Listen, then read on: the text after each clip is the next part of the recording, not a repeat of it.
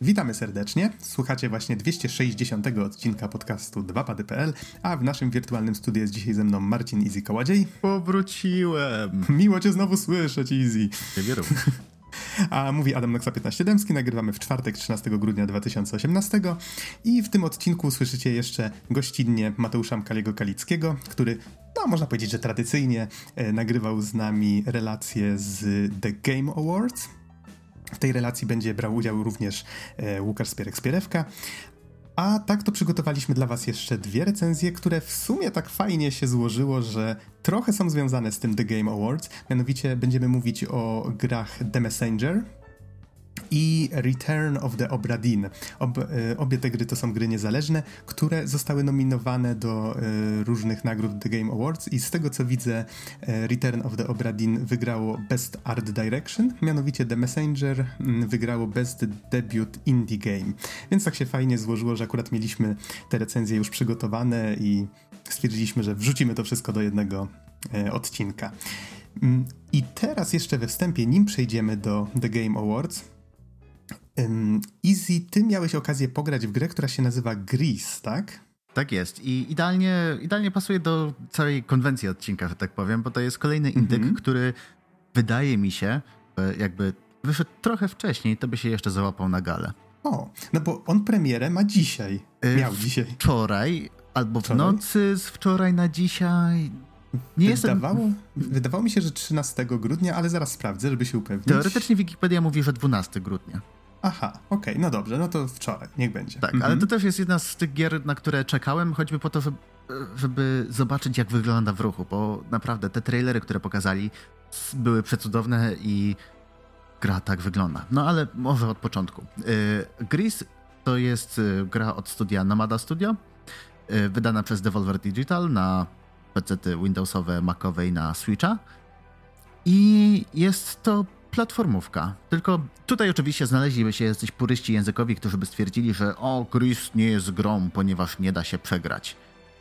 I to jest prawda, ale, y, ale już tak pograłem aktualnie. Wydaje mi się, przepraszam, że ci przerwę, mhm. że definicja gry jako takiej, czy wirtualnego doświadczenia już na tyle poszła przez ostatnie lata do przodu, że spokojnie możemy zakwalifikować to jako jako sztukę interaktywną. Ale tak? no, się pamiętaj, to jest internet, zawsze się ktoś znajdzie, kto się będzie kłócił, że to nie jest gra. Hmm. No dobrze, wierzę tak, ci. Y, tak, ale właśnie y, pograłem na razie godzinkę i z tego co widzę, to będzie takie takie bardziej doświadczenie, coś w ogóle strasznie mi się przypomina Journey, w sensie mamy tutaj też tak jakby motywem przewodnim jest podróż głównej bohaterki imieniem Gris i to jest y, bohaterka, która została doświadczona przez życie i po prostu przez, przez tą eksplorację, tak metaforycznie, tak jakby odkrywa siebie i odkrywa świat na nowo. I oprawa audiowizualna tutaj robi tak dobrze. W sensie, jeżeli chodzi o samą grafikę, to y, mamy taki, y, tak jakby wszystko jest namalowane akwarelami. I właśnie na początku świat jest praktycznie czarno-biały, dopiero później odkrywając tak jakby kolejne, kolejne miejsca, on nabiera kolorów, dosłownie. Te, te kolory tak jakby y, na papierze właśnie akwarele, y, takie bardzo roz, rozcieńczone akwarele y, po prostu wylewać, co nie? I także się pojawiają takie krople, które się łączą w jakieś, w jakieś kształty i pojawia się coraz więcej szczegółów w całym świecie. I wygląda to fenomenalnie po prostu. Brzmi bardzo obrazowo, podoba mi się. A do tego jeszcze muzyka. O, nie, polecam zobaczyć naprawdę trailer, bo jest, jest przepiękny. Po prostu, jeżeli wam, jeżeli zainteresuje was po prostu właśnie, właśnie na samej warstwie takiej audiowizualnej trailer, to łapcie grę, bo to jest jeden do jednego to, co się dzieje w trailerze. I aktualnie nie wiem, czy... A, wiem, do jednej rzeczy bym się mógł przyczepić, yy, tylko i wyłącznie yy, w tym momencie. E, otóż e, grając na Switchu, bo właśnie zakupiłem wersję Switchową, swoją drogą 60 zł zarówno na Steamie, jak i na Switchu. E, z tego co widziałem, gra też jest na Gogu. O, tak. No, a pewnie w wielu innych miejscach też. No, ale pewnie cena będzie taka sama. I z tego co zauważyłem, właśnie grając na Switchu w trybie przenośnym, ta gra nie została do tego przystosowana. W sensie, rzeczywiście rozdziałka jest ok i tak dalej, ale czasami jak kamera odjeżdża i rzeczywiście pokazuje piękno tego świata, to gubią się takie malutkie elementy platformowe, które no, przydałyby się. Co prawda to nie jest precision platformer, ani tak jak, no, tak jak powiedziałem, nie możemy tutaj przegrać, nie możemy spać w taki sposób, że mielibyśmy game over screen, jednak minimalnie to przeszkadza. Mhm, a powiedz mi, ile czasu już z grą spędziłeś? E, niecałą godzinę i z tego, co tam rozglądałem się po internecie, to jest przygoda na 4, 4 godziny z hakiem. Mhm, to faktycznie brzmi bardzo fajnie. Wspomniałeś tutaj o Journey. Journey się pojawi jeszcze w tym odcinku. Rozmawialiśmy o nim przy okazji TGA. E, pojawiło się trochę gier, które właśnie są stylizowane na, na Journey i były zapowiedziane na TGA. Zresztą przy okazji jeszcze jednej rzeczy, bo Journey, nie wiem czy wiesz, pojawiło się na PC. A? Zaskoczyłem, czy... Co, naprawdę? nie, ale teraz ten, tak, tak, tak mówisz ironicznie, czy? Yy, nie, nie, naprawdę, jakoś akurat ominął mnie ten news. Ostatnio sporo mnie ominęło, między innymi trzy mm. odcinki. no, długo cię nie było. Yy, tak, na TGA zostało zapowiedziane Journey na PC-ta. O, nice. Nie, w ogóle ostatnio widzę taki ruch, że bardzo dużo gier z konsol przenosi się na PC-ty. Mhm. No ale to nie będę może wyprzedzał faktów, trochę więcej o tym powiemy przy okazji relacji samej gali. A co do jeszcze samego Gris, patrzę sobie właśnie na zwiastun, widziałem go już jakiś czas temu, gra naprawdę wygląda obłędnie. Jeżeli mówisz, że faktycznie tak wygląda w ruchu, to, to super, to mam wrażenie, że jeszcze dzisiaj może, może ją sobie sprawię, bo z chęcią, z chęcią bym ją zrecenzował razem z tobą. I podoba mi się to, że to jest gra krótka. Właśnie fajnie, że to jest właśnie takie krótkie, artystyczne doświadczenie. Myślę, że takich gier ostatnimi laty powstaje więcej i to jest całkiem fajny ruch. Mam wrażenie, że, że, że, fajnie, że taka nisza się stworzyła. Właśnie być może Journey zapoczątkowało coś takiego? Tak, też mi się, też, też mi się tak wydaje, ale yy, zgadzam się, że fajnie, że to jest właśnie takie zwięzłe doświadczenie, prawda? Takie szczególnie teraz, jak mamy mniej czasu niestety na przyjemności, na granie w gry wideo, to czasami fajnie jest y, po prostu przysiąść do gry, która pozwoli ci w jeden wieczór tak jakby właśnie całe to doznanie zamknąć. Tak, że nie rozpycha tego, znaczy wykorzystuje język gier, żeby opowiedzieć jakąś historię, ale nie stara się dajmy na to, rozpychać tego gameplayu specjalnie czasowo, jakiegoś grindu wprowadzać, czy innych takich rzeczy, żeby tylko zatrzymać cię przy sobie na dłużej. Zwłaszcza, że tych gier wychodzi w tej chwili tak dużo, że naprawdę doceniam, podobnie jak Spierek, coraz bardziej, jeżeli grę mogę ukończyć w miarę krótkim czasie. E, o, właśnie jeszcze co do, co do rozciągania, mhm. E, to Gris e, jest bardzo proste. W sensie, oczywiście to jest takie bardziej, bardziej doświadczenie. I są, y, są jeszcze znajdźki, które tam y, inaczej. Wchodząc do odpowiedniego levelu, powiedzmy, mamy pokazane, ile jest znajdziek, ile jest na nim znajdziek. Tak naprawdę, y, nie wiem, 10 minut może mi zajęło, żeby zebrać wszystkie znajdźki do tej pory, więc nie są wymagające, ale jeżeli ktoś chciałby spędzić trochę dłużej z grą i zobaczyć więcej widoczków, to też nie ma problemu. Mhm. Okej, okay, ale to w takim razie jak ten, jak skończysz grę, jak ja ją skończę, to myślę, że nagramy jakiś e, razem materiał na ten temat. Teraz może tylko przypomnę, że wyszła 12 grudnia, można w nią zagrać na PC i Switchu, e, Windows i macOS konkretnie, jeżeli chodzi o PC-ta. No, powstała na Unity, jeżeli kogoś to interesuje i nazywa się Gris. I wydaje mi się, że możemy już przechodzić do głównych materiałów tego odcinka. I jeszcze może nim to zrobimy, teraz tak sobie przypomniałem, bo mówimy w końcu, będziemy relacjonować imprezę związaną z rozdawaniem nagród e, grom, które wyszły w ciągu ostatniego roku. My na podcaście, przypomnę, też mamy takie rozdanie. Nie jest ono co prawda z taką pompą w jakimś, w jakiejś wielkiej sali, z wielką sceną i tak dalej. Jak to nie? to gdzie no ja bywałem i... rok w rok? O, hmm. pałką przez łeb wywoziliśmy i z jego gdzieś za miasto. Ehm, nieważne. Mm, to znaczy, tak, przypominamy, że niedługo pojawi się na podcaście rozdanie złotych grzybków, zwanych też mm, pieszczotliwie halucynkami, więc nasze, nasze własne złote halucynki będziemy rozdawać jeszcze do końca nie wiemy, czy to będzie pod koniec tego roku, czy na samym początku. Prawdopodobnie początek stycznia, tak bym zakładał trudnym zadaniem jest zebrać całą redakcję razem, żeby nagrać jeden odcinek. Uwierzcie, że naprawdę nie jest to takie proste, jeszcze zwłaszcza, że ten odcinek pewnie spokojnie potrwa tak ze dwie godzinki. E, ale tak, przypominamy, że będziemy będziemy wybierać nasze własne ultrasubiektywne nagrody, ale nim do tego dojdzie, to opowiemy Wam teraz o gali The Game Awards, a potem zapraszamy na dwie recenzje, czyli właśnie Return of the Obra Dinn oraz The Messenger.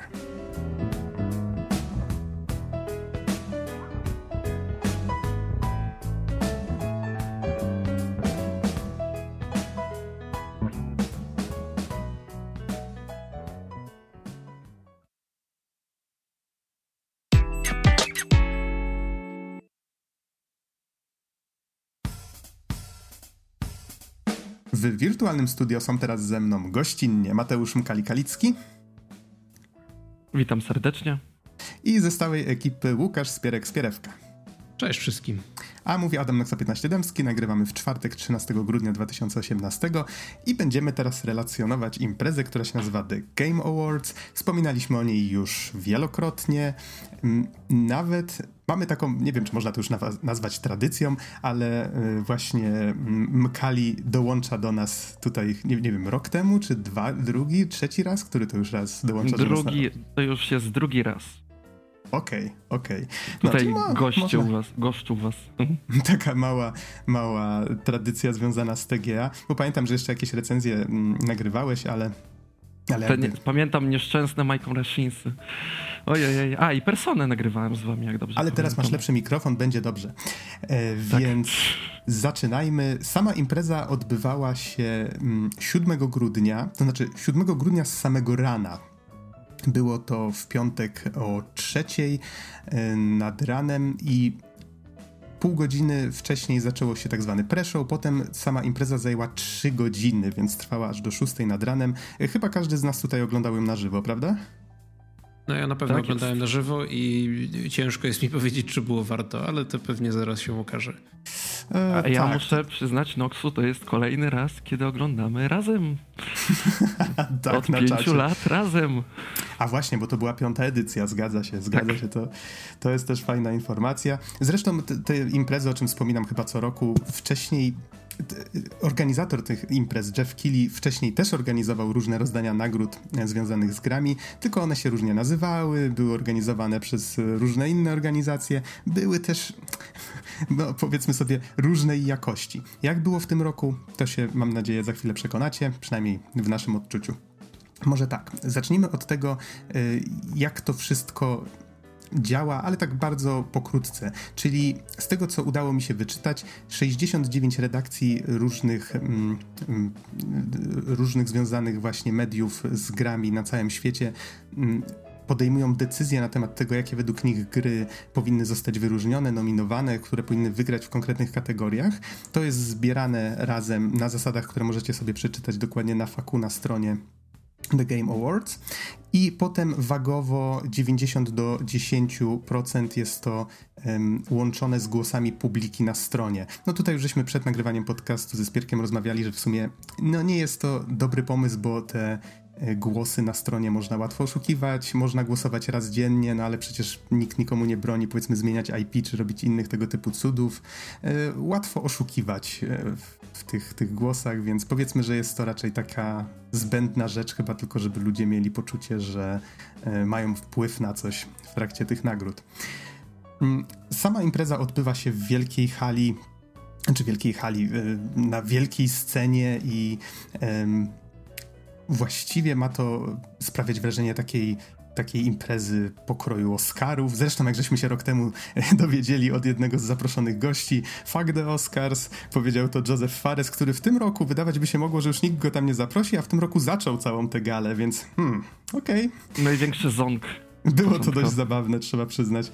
E, I może, żeby nie opowiadać tutaj o wszystkim, co się tam działo, bo trzy godziny to jednak dużo czasu, skupimy się na grach, które pokazywano, bo było sporo zapowiedzi. Powiemy też troszeczkę na temat y, być może właśnie osób, które tam się pojawiały na tej scenie. No i co nam tam jeszcze przyjdzie e, na myśl? Myślę, że troszeczkę o muzyce też wspomnimy, bo było tam trochę występów muzycznych, mm, niektóre lepsze, niektóre gorsze. To panowie, powiedzcie, od czego chcielibyście zacząć? Hmm, może po kolei. Tak jak zaczynała się gala, no to może po kolei tak z gierkami polecimy. Tak chyba będzie mm. najwygodniej. Bo sama gala, ta właściwa, to ona zaczęła się od wyjścia e, trzech reprezentantów największych producentów konsol na świecie. Pojawił się Reggie z Nintendo, Sean Layden z Sony, Phil Spencer, wszyscy wyszli razem na scenę. Już brakowało tylko tego, żeby się trzymali za ręce i e, szczerze Byłem mówiąc... Oso ja wiem, że to miało taką... Przepraszam, że ci przerwę, ale no, no. osobiście byłem pewny, że zapowiedz, że, e, że to jest e, wielka gala graczy, to jest święto graczy, więc ogłosimy crossplay e, w Minecrafcie. No, niczego takiego nie powiedzieli, ale tak, po, poszło kilka górnolotnych haseł i szczerze mówiąc, ja wiem, że to miało taki mieć dobry przekaz i ocieplać serduszko, ale było to trochę niezręczne. Spierek, co ty o tym sądzisz? Nie wiem, też mi się to trochę dziwnie oglądało. W sensie pierwsze wrażenie było takie, hej, to jest spoko, ale potem faktycznie trochę drętwo panowie wyglądali na scenie i trochę drętwo czytali z telepromptera. I potem się schowali i w sumie, i w sumie to było tyle.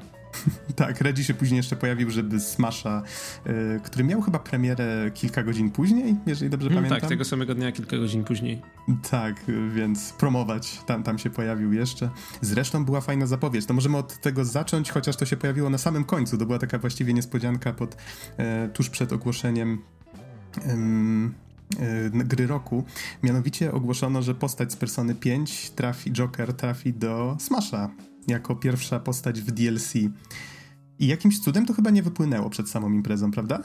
Nic nie było, nic nie wiadomo. Jak na imprezę, z której ciekło jak popadnie, to to była chyba jedna z niewielu rzeczy, która nie wyciekła z tej imprezy przed, przed faktycznym ogłoszeniem, dlatego wszyscy byli zaskoczeni, bo też jakby sytuacja, w której to zostało ogłoszone była dosyć ciekawa, bo na początku wszystkie światła zgasły w połowie tego, kiedy Keely zaczął mówić o czymś, o czymś kompletnie innym, po czym e, na ekranie za nim właśnie rozbłysnęło czerwone światło, pojawiło się logo Persony 5. Wszyscy się zaczęli ekscytować tym, że o, może, może zapowiedzą tą remasterowaną wersję, którą dostały trójka i czwórka, a, a fani piątki czekają na nią. Albo może zapowiedzą coś zupełnie nowego. E, po czym zapowiedzieli coś, czego się kompletnie nikt nie spodziewał, mianowicie kolaborację z Smashem e, na konsoli, na której Persony 5 nie było i w ogóle duże części Persony konsole Nintendo omijają, e, więc no było to dosyć ciekawe. Mhm. A skoro jesteśmy już przy grach, to może, mm, może lećmy po kolei po naszej magicznej liście i powiedzcie właśnie coś na, na, temat gier, które zwróciły waszą uwagę, bo no, było ich dość sporo, więc może skupmy się tylko na, na wybranych z nich. To kto chciałby mhm. zacząć? To ja może zacznę od pierwszej gry, która była pokazywana w ogóle jako najpierwsza gra na całej gali, a tak naprawdę jeszcze w pre-show przed samą galą, które trwało około 20 minut, czyli Sayonara Wild Hearts od Simogo. E, to jest y, szwedzkie studio, które jest de facto dwoma kolesiami, znaczy teraz pracują z trochę większym zespołem, bo Sayonara Wild Hearts wychodzi, znaczy ma wejść na Switchu w przyszłym roku i oni zapowiedzieli to jako pop album video game. I y, moim zdaniem jakby trzeba zobaczyć trailer tak naprawdę, żeby to zrozumieć, bo ciężko jest opowiedzieć tej grze. Znaczy, nie jestem sam do końca pewien, co to jest. Czy to jest taki endless runner na zaprojektowanych planszach z taką właśnie popowo lekko, y, lekko przesadzoną oprawą graficzną. E, naprawdę, znaczy nie wiem sam jeszcze czego się potem spodziewać. Jakby patrząc na Pedigree Studio, czyli gry, które wydawali wcześniej, czyli właśnie Device 6 na iOS-a, e, Yearwalk na iOS-a i na Steama, e, są to niesamowicie dobre gry i ci ludzie jakby zdecydowanie wiedzą co robią, ale jeszcze nie robili nic nigdy na Switchu i nie wiem czego się spodziewać, naprawdę. Liczę, że to będzie fajne, ale nie wiem. ale chcesz tego więcej już teraz, tak? Właśnie nie wiem, czy chcę więcej. Znaczy, chcę zobaczyć więcej, żeby móc zrozumieć, na co czekam, bo trailer mhm. jest niesamowicie dynamiczny i pokazuje dużo, ale nie odpowiada mi na, na pytanie, czy to będzie dobre, ale też jest intrygujący. Mhm. E, Okej. Okay z takich rzeczy, które może nie tyle wyciekły, co przez same Ubisoft zostało to ogłoszone przed imprezą, że ta gra się pojawi. I tutaj wiem, że Tym Kali jesteś, nie wiem, czy można powiedzieć, że fanem serii Far Cry. O, ale jestem, pojawi... jestem ogromnym fanem serii. A, no proszę, dobrze trafiłem. Pojawił się nowy Far Cry, który nazywa się Far Cry New Dawn. i powiedz mi, o co w nim chodzi. Może nie mówiąc, w jaki sposób łączy się z piątką, skupmy się na, na nowej części, tak? Znaczy, wydaje mi się, że eee. można powiedzieć, w jaki sposób łączy się z piątką, ponieważ trailer jakby wykłada wszystkie karty na stół. No, Aha, dokładnie. No to, to, może powiem, to może powiem tak, jeżeli ktoś będzie chciał i będzie zainteresowany tym, to może... Może zobaczy ten zwiastun sam? No, no nie wiem, dobra. To w takim razie Mkali, powiedz po prostu. No, w zasadzie zwiastun sam spoileruje Far Cry 5, mhm. ale tego nie będę o tym się roz, ten rozpowiadał, ale to jest e, taki Far, Far Cry jak e, z postapokaliptycznym klimatem, chociaż troszeczkę też nie, ponieważ mamy tam roślinność, to nie są jakieś takie typowe pustkowe jak z Rage'a, ale to jest taki Far Cry 5 w post-apo otoczce. Mamy open world, mamy różne bronie, możemy upgrade'ować, rozwijać swoją postać, mamy kompanów, między innymi pieska Shibę, z którym będzie można jeździć samochodem.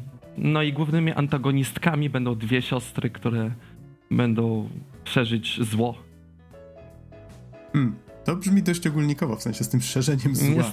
Nie, nie, chcę tak zbytnio, bo to przy samym trailerze jest dużo spoilerów co do piątki, więc nie chcę zbytnio się wchodzić w szczegóły. Niestety, okay. przepraszam. No, znaczy ja tu może wspomnę, że właśnie z tego przynajmniej co dla mnie widać po trailerze, jest to taki bardzo farkrajowe podejście do postapokalipsy, które i tu mogę trochę jechać po bandzie z moimi teoriami, ale wygląda zaskakująco podobnie do Rage'a dwójki, który wychodzi po tym Far Cry'u, bo Far Cry nie udało nam wyjść w lutym, Rage wychodzi chyba w marcu. W maju. W, w maju, maju, tak.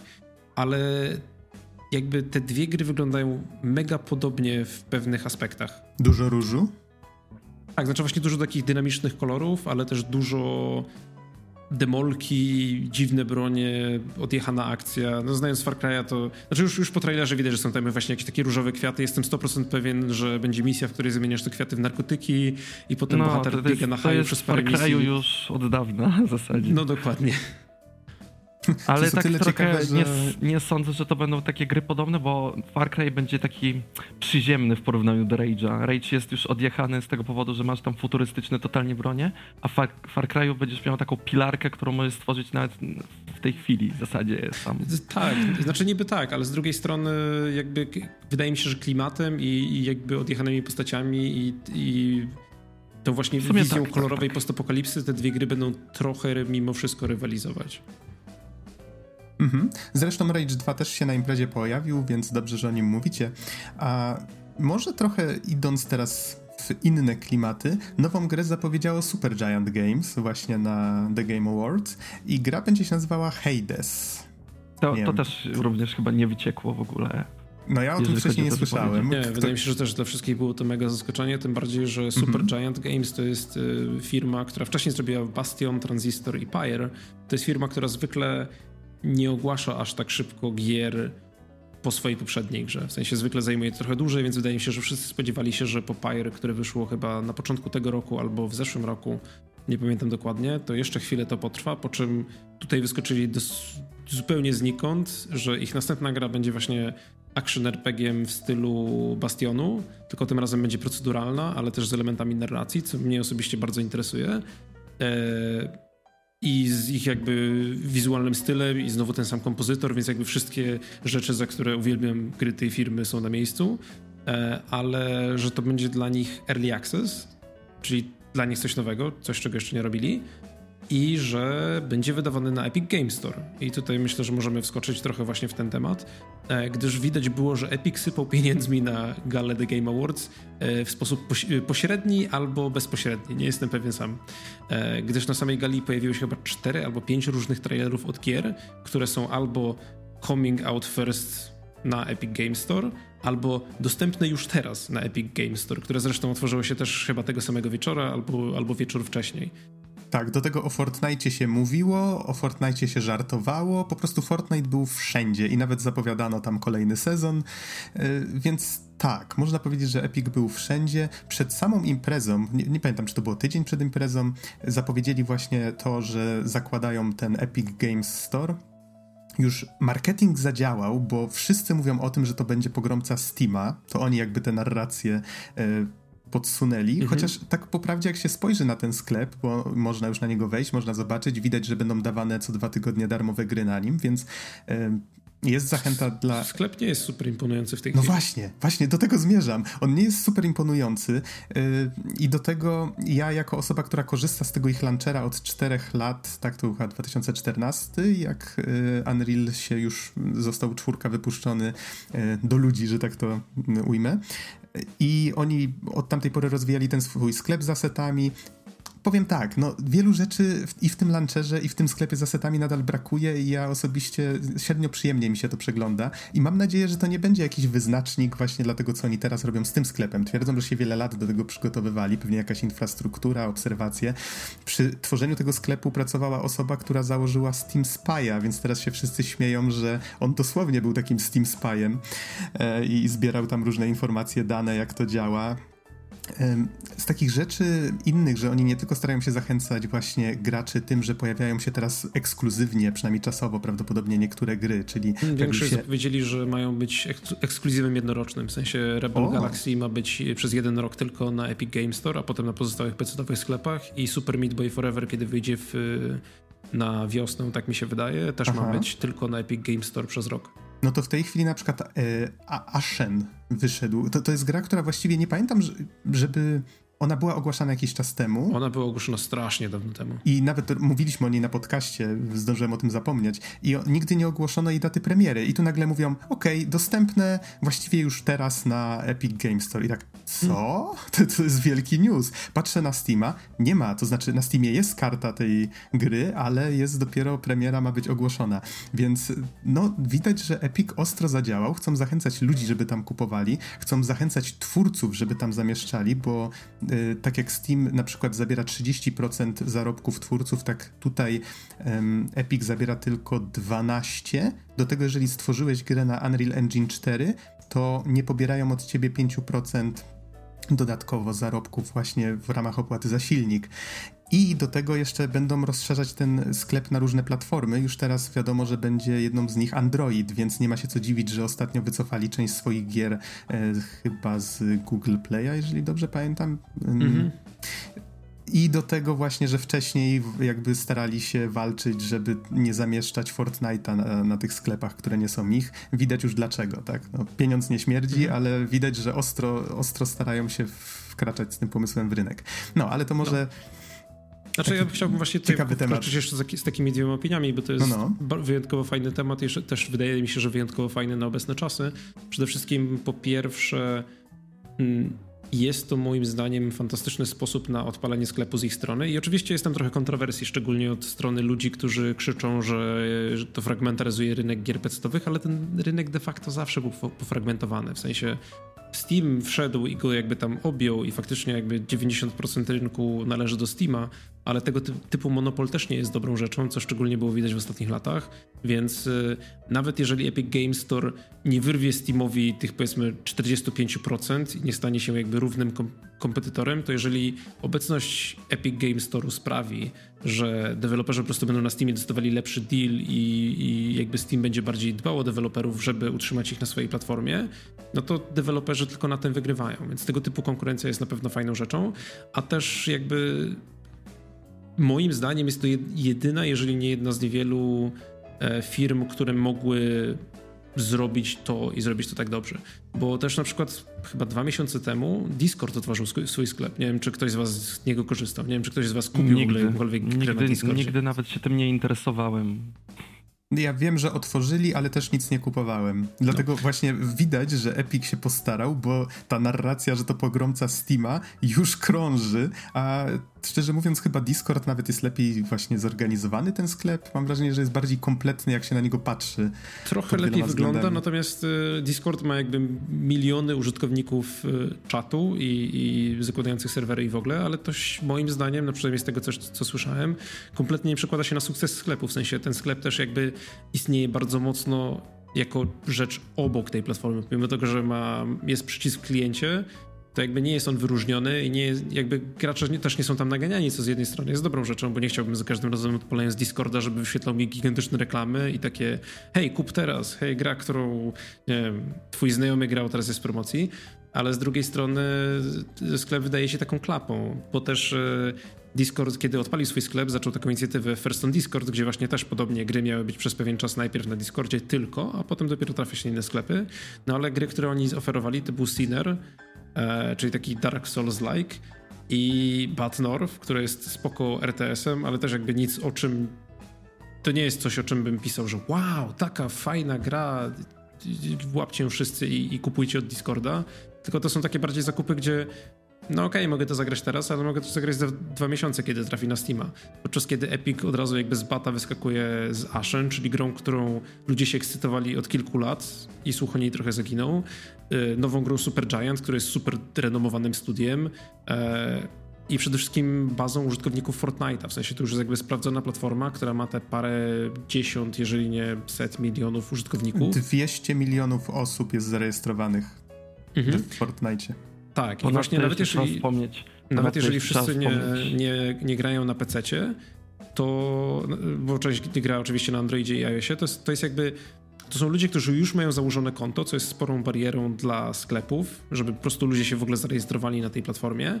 I to są ludzie, którzy zbierają sobie znajomych, bo żeby grać w Battle Royale z innymi ludźmi, musisz jakby dodawać ich do znajomych, więc to tworzy pewne siatki połączeń, nawet jeżeli to są w dużej mierze ci gracze, w sensie, jeżeli to są ludzie, którzy mają powiedzmy, nie wiem, 13-14 lat i być może jeszcze teraz nie mają pieniędzy na kupowanie gier, to tak niech ten sklep się pokręci 2, 3, 4 lata i ci ludzie zaczną mieć pieniądze i wtedy moim zdaniem ten sklep zacznie działać tak naprawdę, bo przez najbliższe 2-3 lata on nie zmieni aż tak wiele, ale mam nadzieję, że dla Epika to nie jest tylko faktycznie taka zagrywka tymczasowa, tylko to jest faktycznie long long play. Long game, long play, tak, tak jak zwał, tak zwał. No tak. Ponadto to, to trzeba jeszcze wspomnieć, tak, bo chciałem się przejść mm -hmm. wbić, że Epic jeszcze rzucił pieniądze E, że wydali na sklep, w sklepie Journey, które było przez dłuższy czas ekskluzywem A, PlayStation mm -hmm. oraz e, Widzisz, najnowszy Super Meat Boy będzie ekskluzywem. No. Więc tak, tak, z tym Journey to faktycznie zaskoczyli. To chyba nawet nie pamiętam, czy było jest gdzieś... Za darmo. E, Journey nie, Journey nie jest za darmo. Journey nie. było za darmo. Przez pierwsze trzy dni było Journey za darmo. Ale ono jeszcze nie wyszło na tym sklepie. Łe. Nie wyszło? Nie, Bo tak czytałem newsy, ale jeszcze nie pobierałem osobiście tego sklepu. Mm, wiesz co, nie jestem pewien, czy masz rację, bo z tego co ja patrzyłem, to chyba Subnautica ma być darmo. Subnautica i... od jutra będzie za darmo. Od 14, e, od 14 grudnia przez dwa tygodnie każdy, który się zaroguje na Epic Games Store, powinien być w stanie po prostu za darmo sobie dodać Subnautica do kolekcji Aha. i powinno mu zostać. I to jest coś, na co super czekam, bo sobie ostrzyłem zęby na tę grę, po tym jak słyszałem mega dużo dobrych opinii. I super e, I to, że ta gra będzie po prostu za darmo na Epic Games Store i domyślam się, że za to mhm. musieli srogo posmarować y, twórcom, to fajnie z ich strony. I, czy, I następną przypadkiem... grą będzie tak, Super Meat Boy będzie od 28 grudnia przez dwa tygodnie. E, przepraszam, nie Super Meat Boy, tylko to chyba ten nowy Meat Boy Forever? Nie, nie, nie Super Meat Boy, bo Meat Boy Forever stary. wychodzi dopiero w przyszłym roku. To będzie ten stary. Aha, aha, dobrze. No to, to widzicie, tutaj bierzcie mm, z przymrużeniem oka te informacje, bo tak sami nie jesteśmy pewnych rzeczy pewni. No. Niemniej widzicie, co się stało. Rozmawiamy o The Game Awards i nagle rozmawiamy o sklepie. na Epic Game Store. Tak. e, Ale to... właśnie teraz Journey jest jeszcze opisane jako wkrótce. Aha, A, to no. przepraszam bardzo. No okej, okay, ale, ale widać, że dobrze że pamiętałeś, Mkali, o tym, bo wydaje mi się to dość spory news, bo chyba nie ogłaszali nigdzie wcześniej, że ta gra nie, wyjdzie na PC. Nic nie było mhm. wiadomo mhm. w ogóle o przeniesieniu Journey na PC przynajmniej, bo to, to mm -hmm. był mhm. po prostu ekskluzyw. Więc znaczy, wiecie, można to... było wróżyć z fusów, bo Anna Purna Interactive podniosła też wcześniej inną grę od That Game Company, czyli Flower, ale ona została wydana chyba tylko na PC-ta, nie na PC-ta właśnie, tylko na iOS-a i nie tak. jestem pewien, czy na Androidzie. Ale mm -hmm. jak mhm. dobrze pamiętam, That Game Company zostało chyba wykupione przez jakąś firmę, ale nie jestem pewny. Może dlatego, dlatego mamy mm. Journey. Wiecie, ale to może inna tak, historia. Pro, proponuję, żeby zostawić już ten temat, ale widzicie, co się dzieje mówimy na ten temat i to znaczy tylko jedno, że Epic faktycznie dobrze zadziałał, że ten marketing tak, że, że właściwie mówimy, tak, mówimy o tej imprezie i nagle właściwie tematem przewodnim stał się e, nowy Epic Store. E, no, ale widać, że dobrze posmarowali, dobrze to zaplanowali i faktycznie może, może im się to udać. No zobaczymy. Zobaczymy, będziemy śledzić sytuację. Mianowicie... Mhm, Wracając do TGA i może do tych gier, właśnie tych wybranych gier, o których chcieliśmy wspomnieć, pojawił się oficjalnie już Crash Team Racing pod tytułem Nitro Fueled. I... Brakuje surfera. tak, gdzie jest serwer, kiedy potrzebny jest ktoś, kto może się zajarać um, jakąś grą. Tak, myślę, że on zdecydowanie jest, jeżeli chodzi o naszą redakcję, fanem właśnie Crash Team Racing i Crasha w ogóle. W przyszłym roku będzie coś takiego. Wy się nie znacie, to jest gra roku. Okej, okej, okay, wiem do czego pijesz. Um, do ostatnich złotych grzybków, ale o tym jeszcze później. Tak I jeszcze później y, kolejna rzecz. Mm, The Outer Worlds. Co to takiego było? Przypomnijcie mi. To jest RPG od Obsidianu, który to będzie taki love letter from fans for fans. Czyli typowy RPG z, y, od twórców e, Fallouta i ludzi, którzy stworzyli Fallouta New Vegas. To będzie taki space western, first person shooter, RPG. Bardzo fajny klimacik. Mhm. I pojawia się Rick e, z Rick and Morty na samym starcie trailera. Znaczy, o, nie, jest, nie jest to dokładnie on, ale jest naukowiec, ale który wygląda, wygląda dosyć podobnie. Natomiast e, to, co właśnie. dla mnie jest najbardziej uderzające w tym trailerze, to jest to, że, że Obsidian się nawet nie kryje, że to jest Fallout New Vegas 2, tylko nie nazywa się Fallout i nie dzieje się w świecie Fallouta, ale zaczynają trailer właśnie tym, że From the makers of original Fallout and the development team behind Fallout New Vegas i potem pokazują wszystko, co de facto wygląda jak New Vegas, ale w kosmosie. Taki pstryczek w nos Bethesdy. Mhm. Mhm. No dobrze, to wiecie co? Polećmy może troszeczkę szybciej z tymi grami. Mianowicie pojawiło się jeszcze między innymi dość ładnie wyglądające The Last Campfire, które właśnie miało w sobie troszeczkę takiego e, klimatu Journey. Przynajmniej ładnie wyglądało, nie do końca wiadomo o co w tej grze będzie chodziło, ale zwiastun mi się podobał. Pojawił się Ashen, o którym już wspomnieliśmy. Myślę, że o tej grze troszeczkę więcej być może przy jakiejś innej okazji będziemy mówić, bo już zacząłem w nią grać. Co tu jeszcze? Pojawił się The Pathless od twórców Abzu, skoro już jesteśmy w takich klimatach e, typu Journey, tak? E, Spierek, coś więcej może na ten temat chciałbyś dodać? Mhm. Znaczy, jest to jakby dalej e, reżyser artystyczny Journey i reżyser artystyczny Abzu, więc pod względem wizualnym gra wygląda naprawdę fajnie. I tak jak Abzu właśnie było taką, takim trochę Journey wannabe, ale nie do końca udanym, czy może nie, nie aż tak głębokim jak oryginalny Journey, to Puffles wygląda jak coś w trochę innym kierunku, trochę bardziej gra akcji, trochę więcej jakby biegania, skakania, strzelania z łuku. E, twoim kompanem jest jastrząb, którego chyba możesz napuszczać na wrogów. E, więc wydaje mi się, że może z tego wyjść troszkę coś ciekawszego, ale musiałbym zobaczyć więcej. Chętnie bym zobaczył jakieś takie 10-15 minut nieprzerwanego gameplayu z tej gry i wydaje mi się, że potem będzie będziemy w stanie lepiej ocenić, jaki to ma potencjał. Mhm. Z innych rzeczy pojawił się jeszcze zwiastun Mortal Kombat 11 z fatalnie dobraną muzyką. Fatalnie dobraną muzyką, ale, ale będzie to na Switchu. Zrobili to, ten tak? sam myk przy za, mhm. zapowiedzi dziesiątki, ponieważ przy dziesiątce, przy pierwszym trailerze również był, były rapsy które w ogóle nie pasują do tego typu gier. Ach, no niestety. No niestety, ale tak, yy, powiedzieli, że będzie na Switchu, więc to chyba będzie w ogóle pierwszy raz dla tej serii, bo wydaje mi się, że X ani XL nie wyszły na Switchu. No właśnie, bardzo mnie to zdziwiło, że to wychodzi na Switcha i podali datę premiery. 23 kwietnia. No dobra, dobra, ale zostawmy ten Mortal Kombat. Psychonauci dwójka mieli zwiastun fabularny. Jej. Mech. Oj tam. Znaczy dobra, ja wiem, że nie ma się za bardzo czym, czym tutaj ekscytować, ale mnie jedynka się bardzo podobała. Yy, była bardzo zabawna. Jeżeli dwójka tylko będzie trzymać ten sam poziom, tylko z lepszą grafiką, jestem kupiony. I muzyką oczywiście, bo też pamiętam, była całkiem fajna. Mhm. Więc... Ja też czekam. Tak, to, to w 2019 ma się pojawić, więc to jest dobra wiadomość. O Rage'u dwójce żeśmy już mówili, o Personie 5 też, więc w sumie to są takie rzeczy najważniejsze, bo było tych gier trochę więcej. Naturalnie całą tę imprezę możecie sobie odtworzyć, tak? Całe trzy godziny, jak chcecie. Całe szczęście reklamy niezwiązane z grami były ograniczone do minimum w tym roku i to jest dobra tendencja. Jak Tom Kali przed podcastem żartował, e, nie było mm, reklam golarek. Więc... Oj tak, i to, bo to jest wielki plus tej gali. Tak, że nie było żadnych to... golarek, które mnie irytowały i w nocy. Za, za to w tym roku mieliśmy reklamy przeciw vapingowi, aż cztery chyba były. Ale tak mi się zdaje, że te reklamy w tym roku byłyby stricte bardziej growe. Mhm. Okej, okay, to może I powiedzmy... właśnie, e, przepraszam, że wam Aha. przerwę, ale zapomniałem o jednej grze wspomnieć e, no, no. i zap zapomniałem w ogóle, chciałem o niej porozmawiać, bo to też ekskluzyw na Switcha, który mnie bardzo zadziwił. Bo Już wiem, to Marvel Ultimate Alliance 3 Black Order. Mhm. I chciałbym o niej chwilkę pomówić, że ja już cieszę się, że mam swojego strykacza, na, na którym będę w to grał, ponieważ Ultimate Alliance 1 trochę pograłem i bardzo mi się podobał, a bardzo jestem fanem, bardzo dużym fanem Marvela. Takim nie jestem, ale gierki bardzo lubię, więc największe zaskoczenie, że to jest ekskluzyw.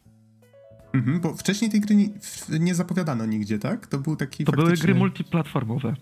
Znaczy tak, tak, ale mam na myśli, że trójka, że to była taka niespodzianka faktycznie, nie zapowiadali tego tak. wcześniej nigdzie. O, no to, to im się udało faktycznie.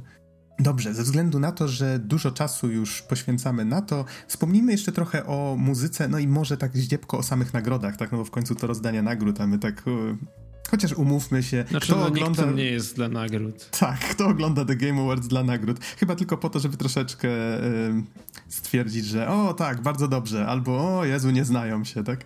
Ale to chyba ze wszystkimi rozdaniami tak jest, więc... Mm, no, no cóż...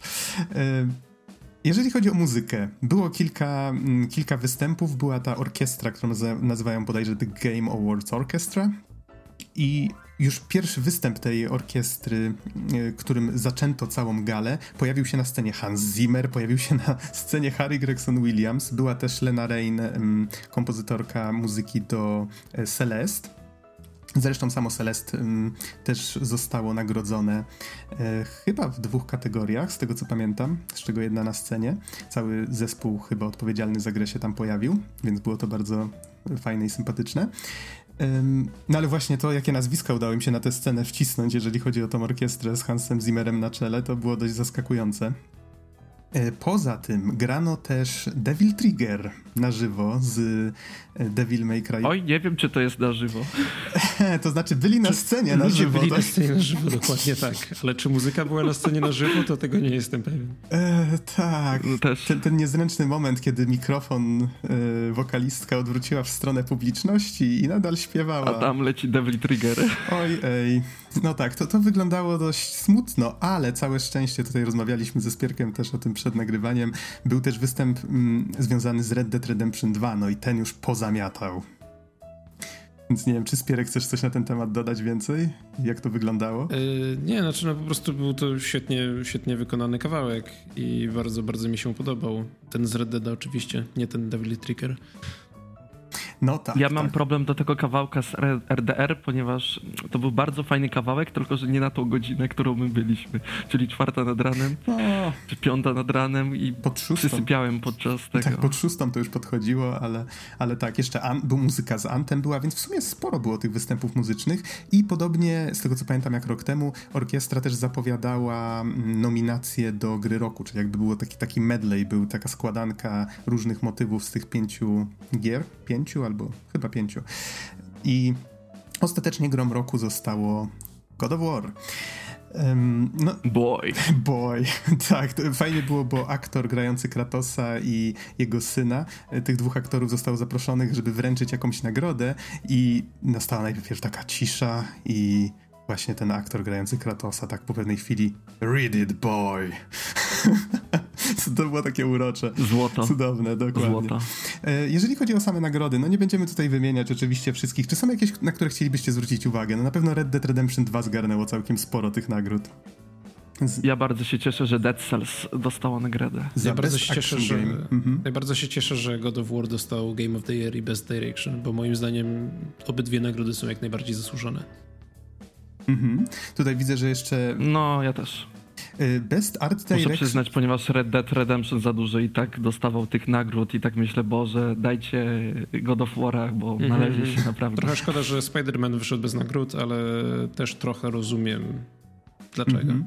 Z takich indyczych może nagród, no to właśnie The Best Independent Game wygrało Celeste, mm, Best Debut Indie Game The Messenger, Best Art Direction. Nie wiem, czy tego nie wymieniłeś właśnie, e, Spierek a propos God bo widzę, że na wiki jest podane, że wygrał Return of the Obra Dinn. E, Best Art Direction, tak. Mhm. E, Okej, okay. no jest tu w każdym razie Best Strategy Game Into the Breach, więc fajnie, widać, że doceniono trochę takich bardzo solidnych indyków, które wyszły w tym roku, więc to nie jest tak, że te gry AAA zdominowały to rozdanie, więc to było całkiem, całkiem fajne. No mm. i coś, o czym wspominamy co roku, czyli kto dostał nagrodę Industry Icon czyli taka branżowa ikona. W tym roku dostał tę nagrodę Greg Thomas, e, który, i tutaj przyznam szczerze, pierwszy o nim słyszałem, e, który jest um, chyba założycielem Visual Concepts, ale tutaj właśnie nie jestem do końca pewien. Jest to studio, które jest odpowiedzialne przede wszystkim za gry sportowe, czyli za NFL, za NHL, NBA. Mm, no, jak dobrze wiecie, ja jestem kompletna noga stołowa, jeżeli chodzi o tego typu gry, więc gratulujemy nagrody, tak, i wyróżnienia. I tyle. Oklaski i ty, na stojąco. I tylko tyle jestem w stanie niestety na ten temat powiedzieć. Przykro mi bardzo.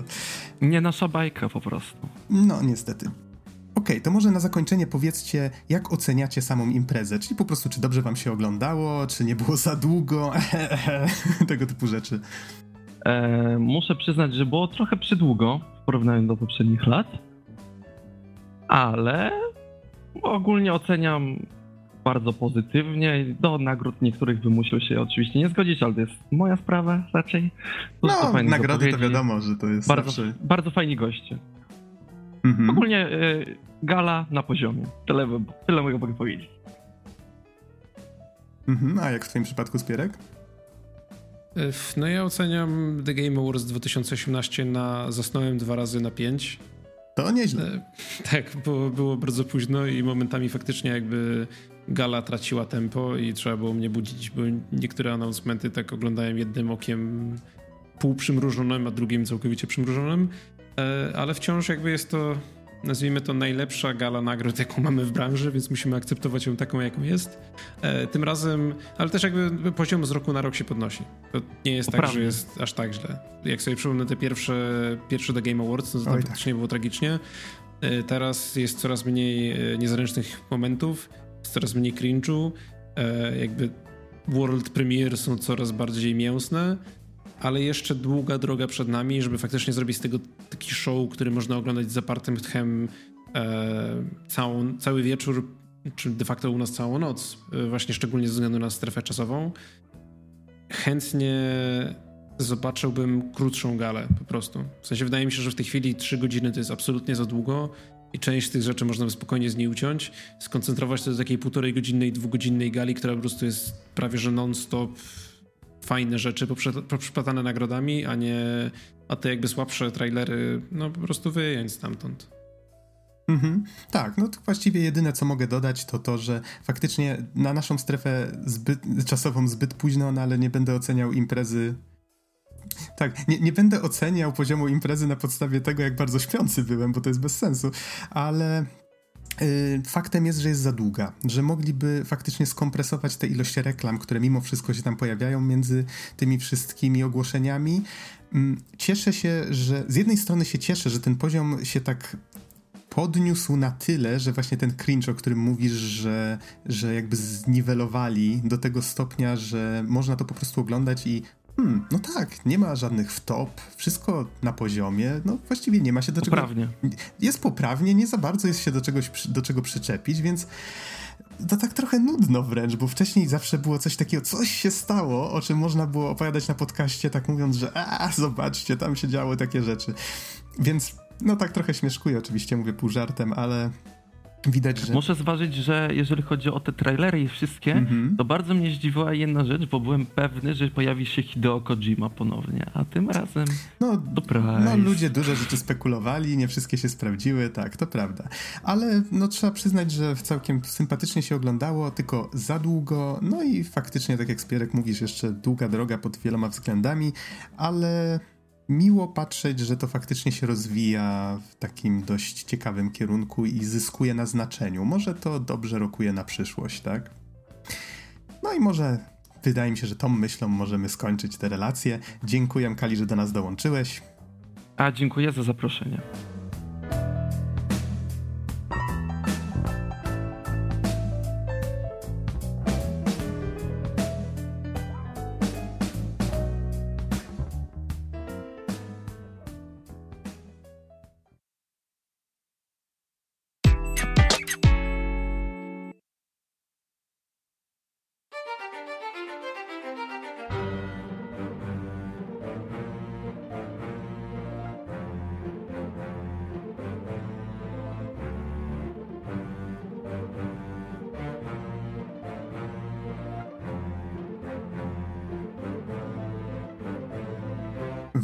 Wirtualnym studiu jest teraz ze mną Łukasz Spierek-Spierewka.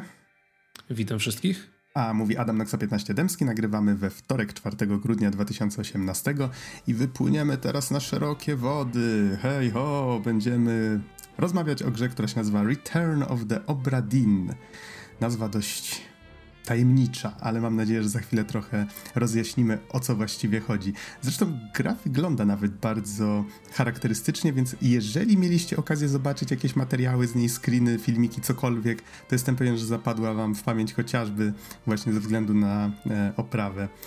Ale może, żeby nie, wyprzedzać faktów, to troszeczkę informacji encyklopedycznych. Grę stworzył Lucas Pope, na Unity. Można w nią zagrać na Mac OSie i na Windowsie, a premiera miała miejsce 18 października 2018.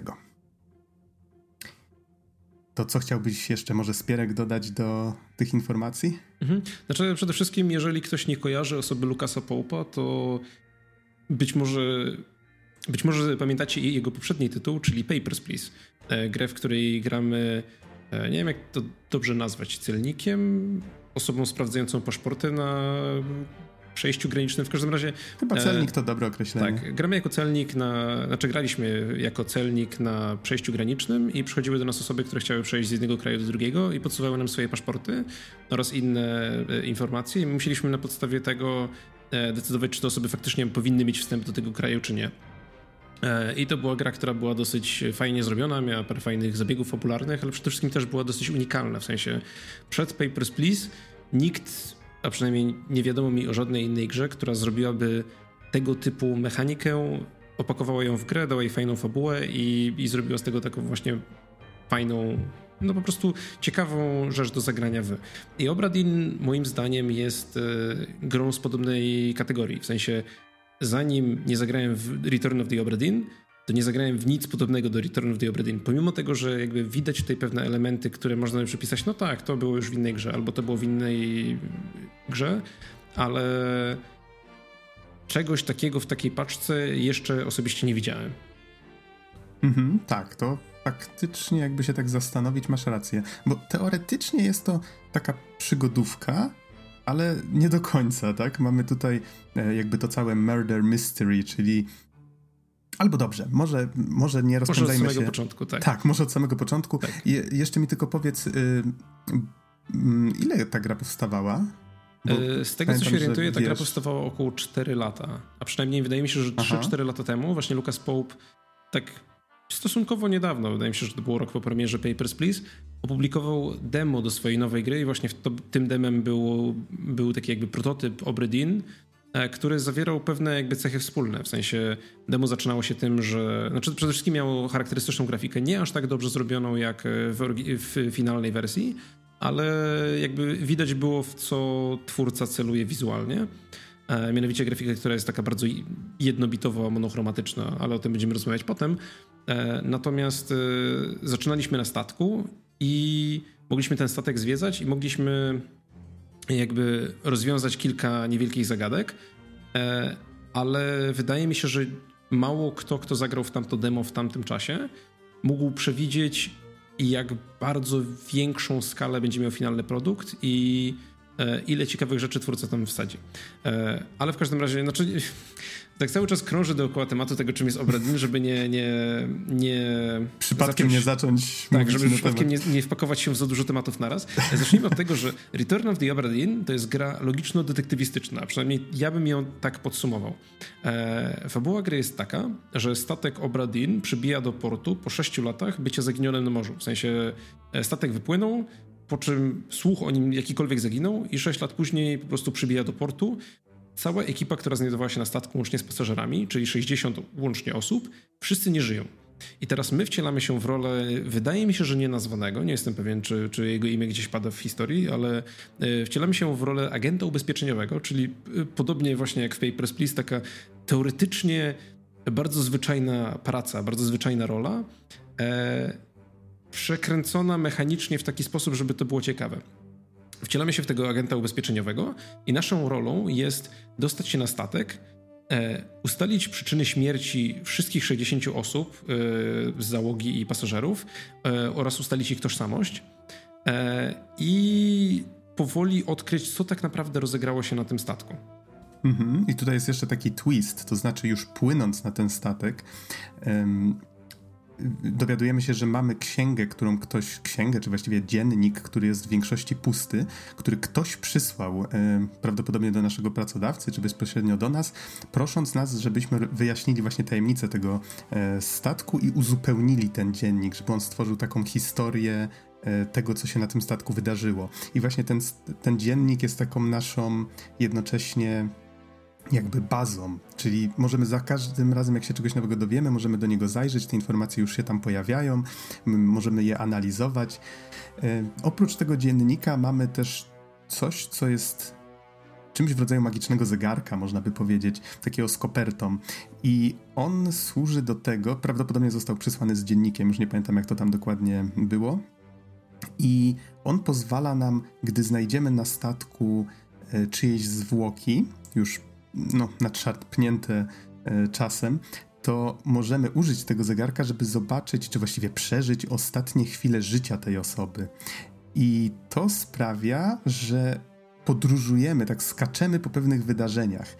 I właśnie pierwsze wydarzenia, które poznajemy w trakcie gry, to są właściwie, to jest właściwie moment buntu, kiedy załoga y, przeciwstawia się kapitanowi, i to prowadzi tam do pewnych wydarzeń, ale potem znajdując jakby coraz to kolejne zwłoki, one się tak pojawiają, tak? Czyli to nie jest tak, że one od początku są dostępne, one się pojawiają, jakby kolejne elementy, kolejne pomieszczenia e, się otwierają, żebyśmy mogli je zbadać i znajdujemy tam kolejne martwe osoby, poznajemy kolejne scenki i jakby tak cofamy się w czasie w tej historii, czyli poznajemy ją od końca, co doprowadziło do tego buntu e, i właściwie co się działo przez pewien okres czasu od wypłynięcia sportu właśnie na e, pokładzie i pod pokładem tego statku, który się nazywa Obradin.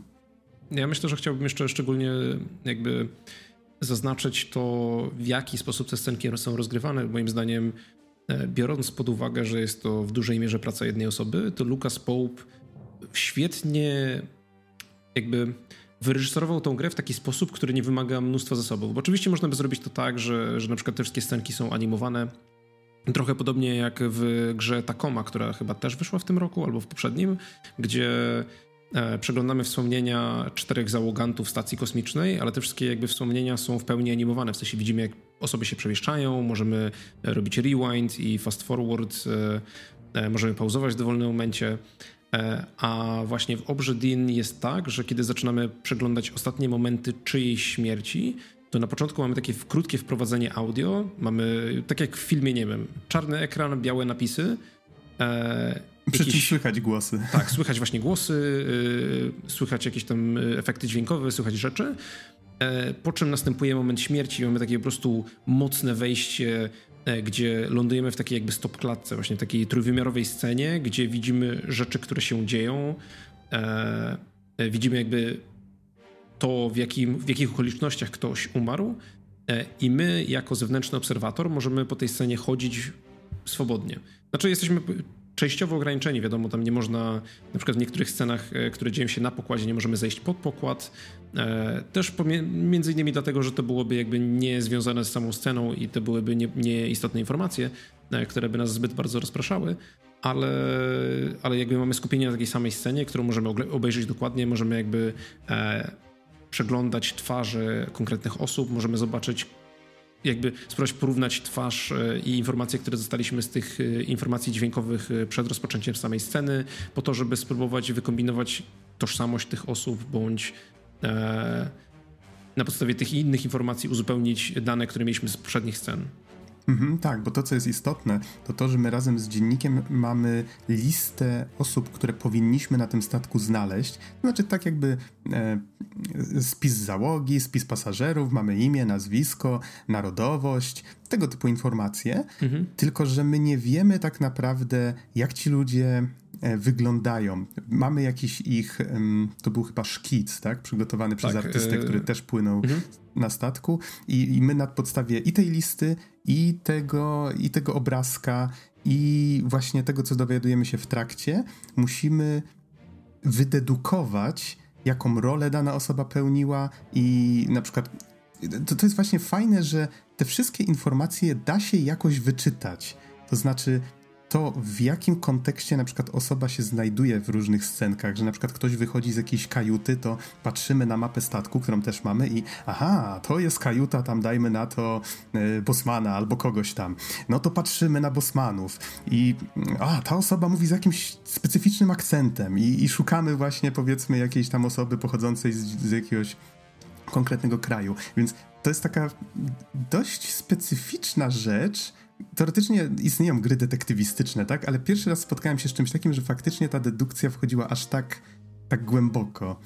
Hmm, to moim zdaniem jest właśnie najciekawszy aspekt tej gry, bo nie jest to taka. Znaczy, jest, to, jest to gra, która jest częściowo liniowa, ale nie jest ona liniowa na zasadzie takiej, że właśnie istnieje konkretna sekwencja dedukcji, które musimy popełnić, żeby odkryć czyjąś tożsamość, bardziej jest to gra złożona z, znaczy jest to gra złożona z licznych warstw informacji, które my jako gracz przyswajamy e, z nadzieją właśnie, że część z nich jakby na nas zostanie, że część z nich zrobi na nas wrażenie i pozwoli nam odkryć tą zagadkę. E, I dajmy na to właśnie Niektóre osoby możemy, tak jak wspomniałeś, rozpoznać po tym, że wychodzą z konkretnych miejsc statku. Niektóre osoby możemy rozpoznać po konkretnym akcencie, gdyż e, spis wszystkich e, osób, które znajdowały się na statku, zawiera też informacje o tym, z jakiej narodowości są. Więc jak na przykład widzimy, że ktoś jest Polakiem, e, znajduje się tam jeden Polak, to możemy próbować rozpoznać go po, po tym. co więcej, właśnie wszystkie postaci mają troszeczkę, znaczy wystarczająco inne modele trójwymiarowe, i właśnie różnią się ubiorem, ale też na przykład niektóre postaci mają tatuaże. E, inne posiadają jakieś e, cechy charakterystyczne, które możemy potem spróbować e, wykorzystać w naszych dedukcjach. Możemy nawet rozpoznać postaci po tym, gdzie śpią.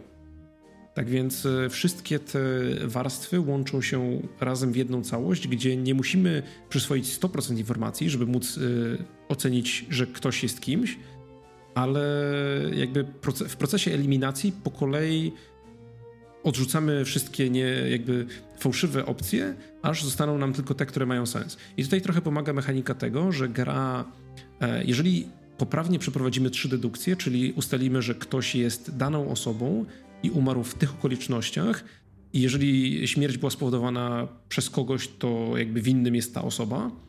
E, jeżeli trzy takie dedukcje popełniłem poprawnie, to gra je odznacza jako tak, udało ci się. Więc to nie znaczy to też... trzy, trzy takie dedukcje dla trzech osób. Tak, w mhm. sensie jeżeli y, poprawnie odgadniemy losy trzech osób, to, te, to jakby książka odznacza je jako tak, te wszystkie rzeczy się zgadzają.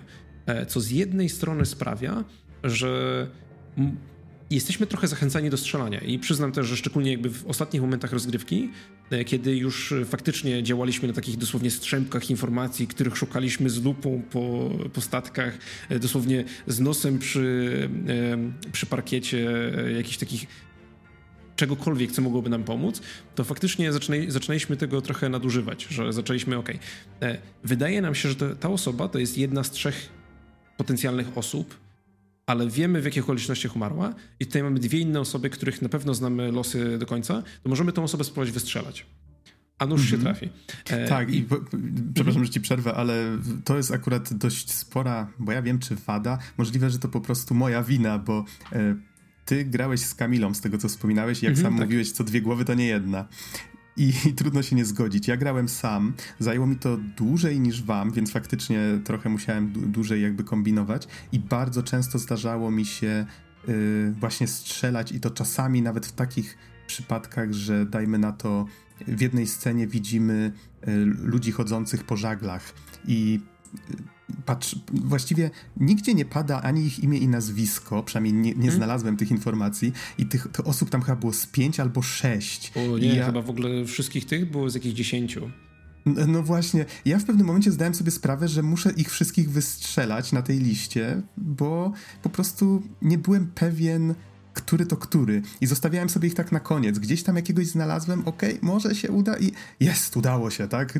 Zaznaczyło mi te trzy. No dobrze, no to drogą eliminacji kolejny. I zdaję sobie sprawę, że na pewno pominąłem wiele e, wskazówek. Tam kolega mi na przykład powiedział, który też grę przechodził, że że powiedzmy jedna postać ma pierścień na ręku, po czym można od razu się domyślić pewnej pewnej rzeczy, tak? A ja na przykład zupełnie tego nie zauważyłem, więc domyślam się, że nie korzystałem z żadnej solucji czy innych tego typu rzeczy, więc fajnie, że ta mechanika z tymi trzema postaciami odznaczanymi istnieje. Mm, tylko faktycznie może, może sprawiać, że to strzelanie w pewnym momencie staje się takim nawykiem, e, takim taką e, mniejszą linią oporu, tak? I nie jestem pewien, nie jestem pewien, czy w grze da się wszystko wydedukować. Byłoby fajnie, yy, gdyby się dało, ale nie, nie sprawdzałem tego. Wydaje mi się, że na pewno da się wszystko wydedukować, tak nawet bez strzelania, tylko wtedy faktycznie trzeba uważać na takie mega, mega drobne detale. E, I tutaj chciałbym zrobić małą dygresję. Jest specjalny achievement w grze za to, że e, wypełniając losy każde, śmierci każdej osoby, zaznaczymy, że win, winowajcą we wszystkich śmierciach jest kapitan. Jeżeli to zrobimy, to gra akceptuje to jako rozwiązanie i kończymy grę ze specjalnym, specjalnym achievementem. Bo de facto kapitan jest winny śmierci wszystkich tych osób. Okej. Okay.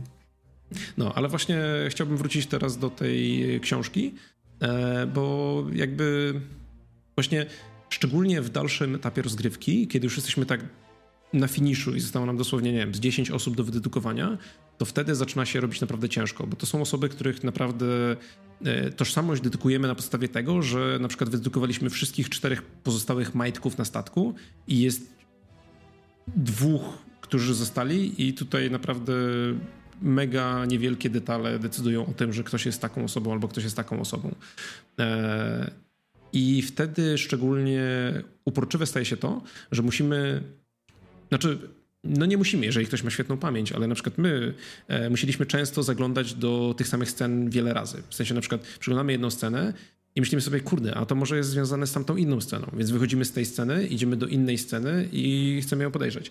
I niestety e, jakby głównym interfejsem w grze po zachodzeniem po statku jest właśnie ta książka, która zawiera wszystkie informacje, które przerzucamy dosłownie strona po stronie, która generalnie jest bardzo wygodnym narzędziem, ale właśnie jest ten jeden jeden irytujący detal, gdzie nie możemy po prostu za, za pomocą książki, e, wiedząc, że dana osoba na przykład umarła w takim miejscu, po prostu kliknąć na ciało tej osoby na mapie statku i po prostu przenieść się automatycznie do tego miejsca, tylko musimy zobaczyć, że ta osoba umarła w tym miejscu, następnie zamknąć książkę, iść na piechotę do tamtego miejsca i wtedy kliknąć na tą osobę. Co szczególnie jeszcze w miejscach, gdzie powiedzmy umarły trzy osoby bardzo blisko siebie, sprawia, że czasami możemy wejść nie do tej sceny i potem musimy wychodzić z tej sceny.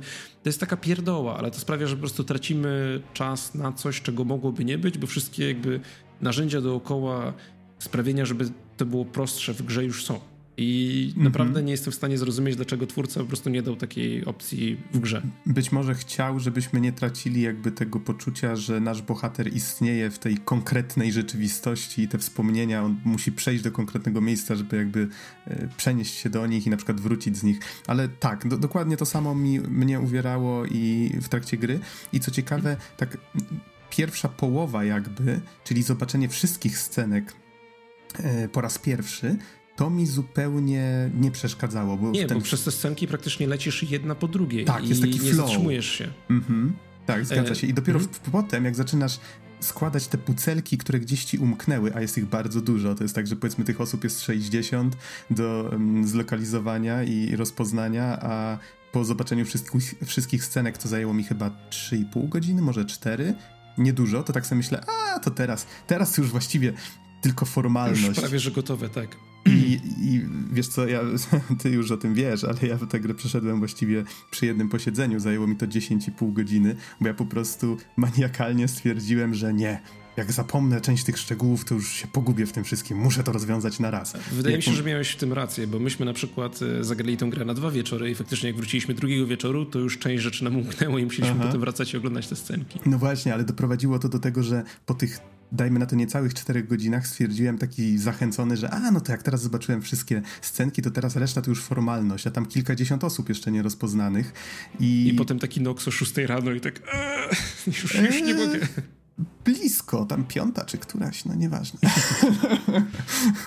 Ale tak, tak, to, to jakoś tak się odbyło. No, to przemawia też na korzyść tej gry, że tak mnie wciągnęła, ale e, zgadzam się, że dałoby się zrobić pewne rzeczy lepiej, żeby tego czasu nie tracić tak właśnie mm, aż tak dużo w tej kolejnej właśnie, w tym kolejnym etapie, kiedy chcemy powtórzyć pewne rzeczy, bo sama księga jest zaprojektowana super.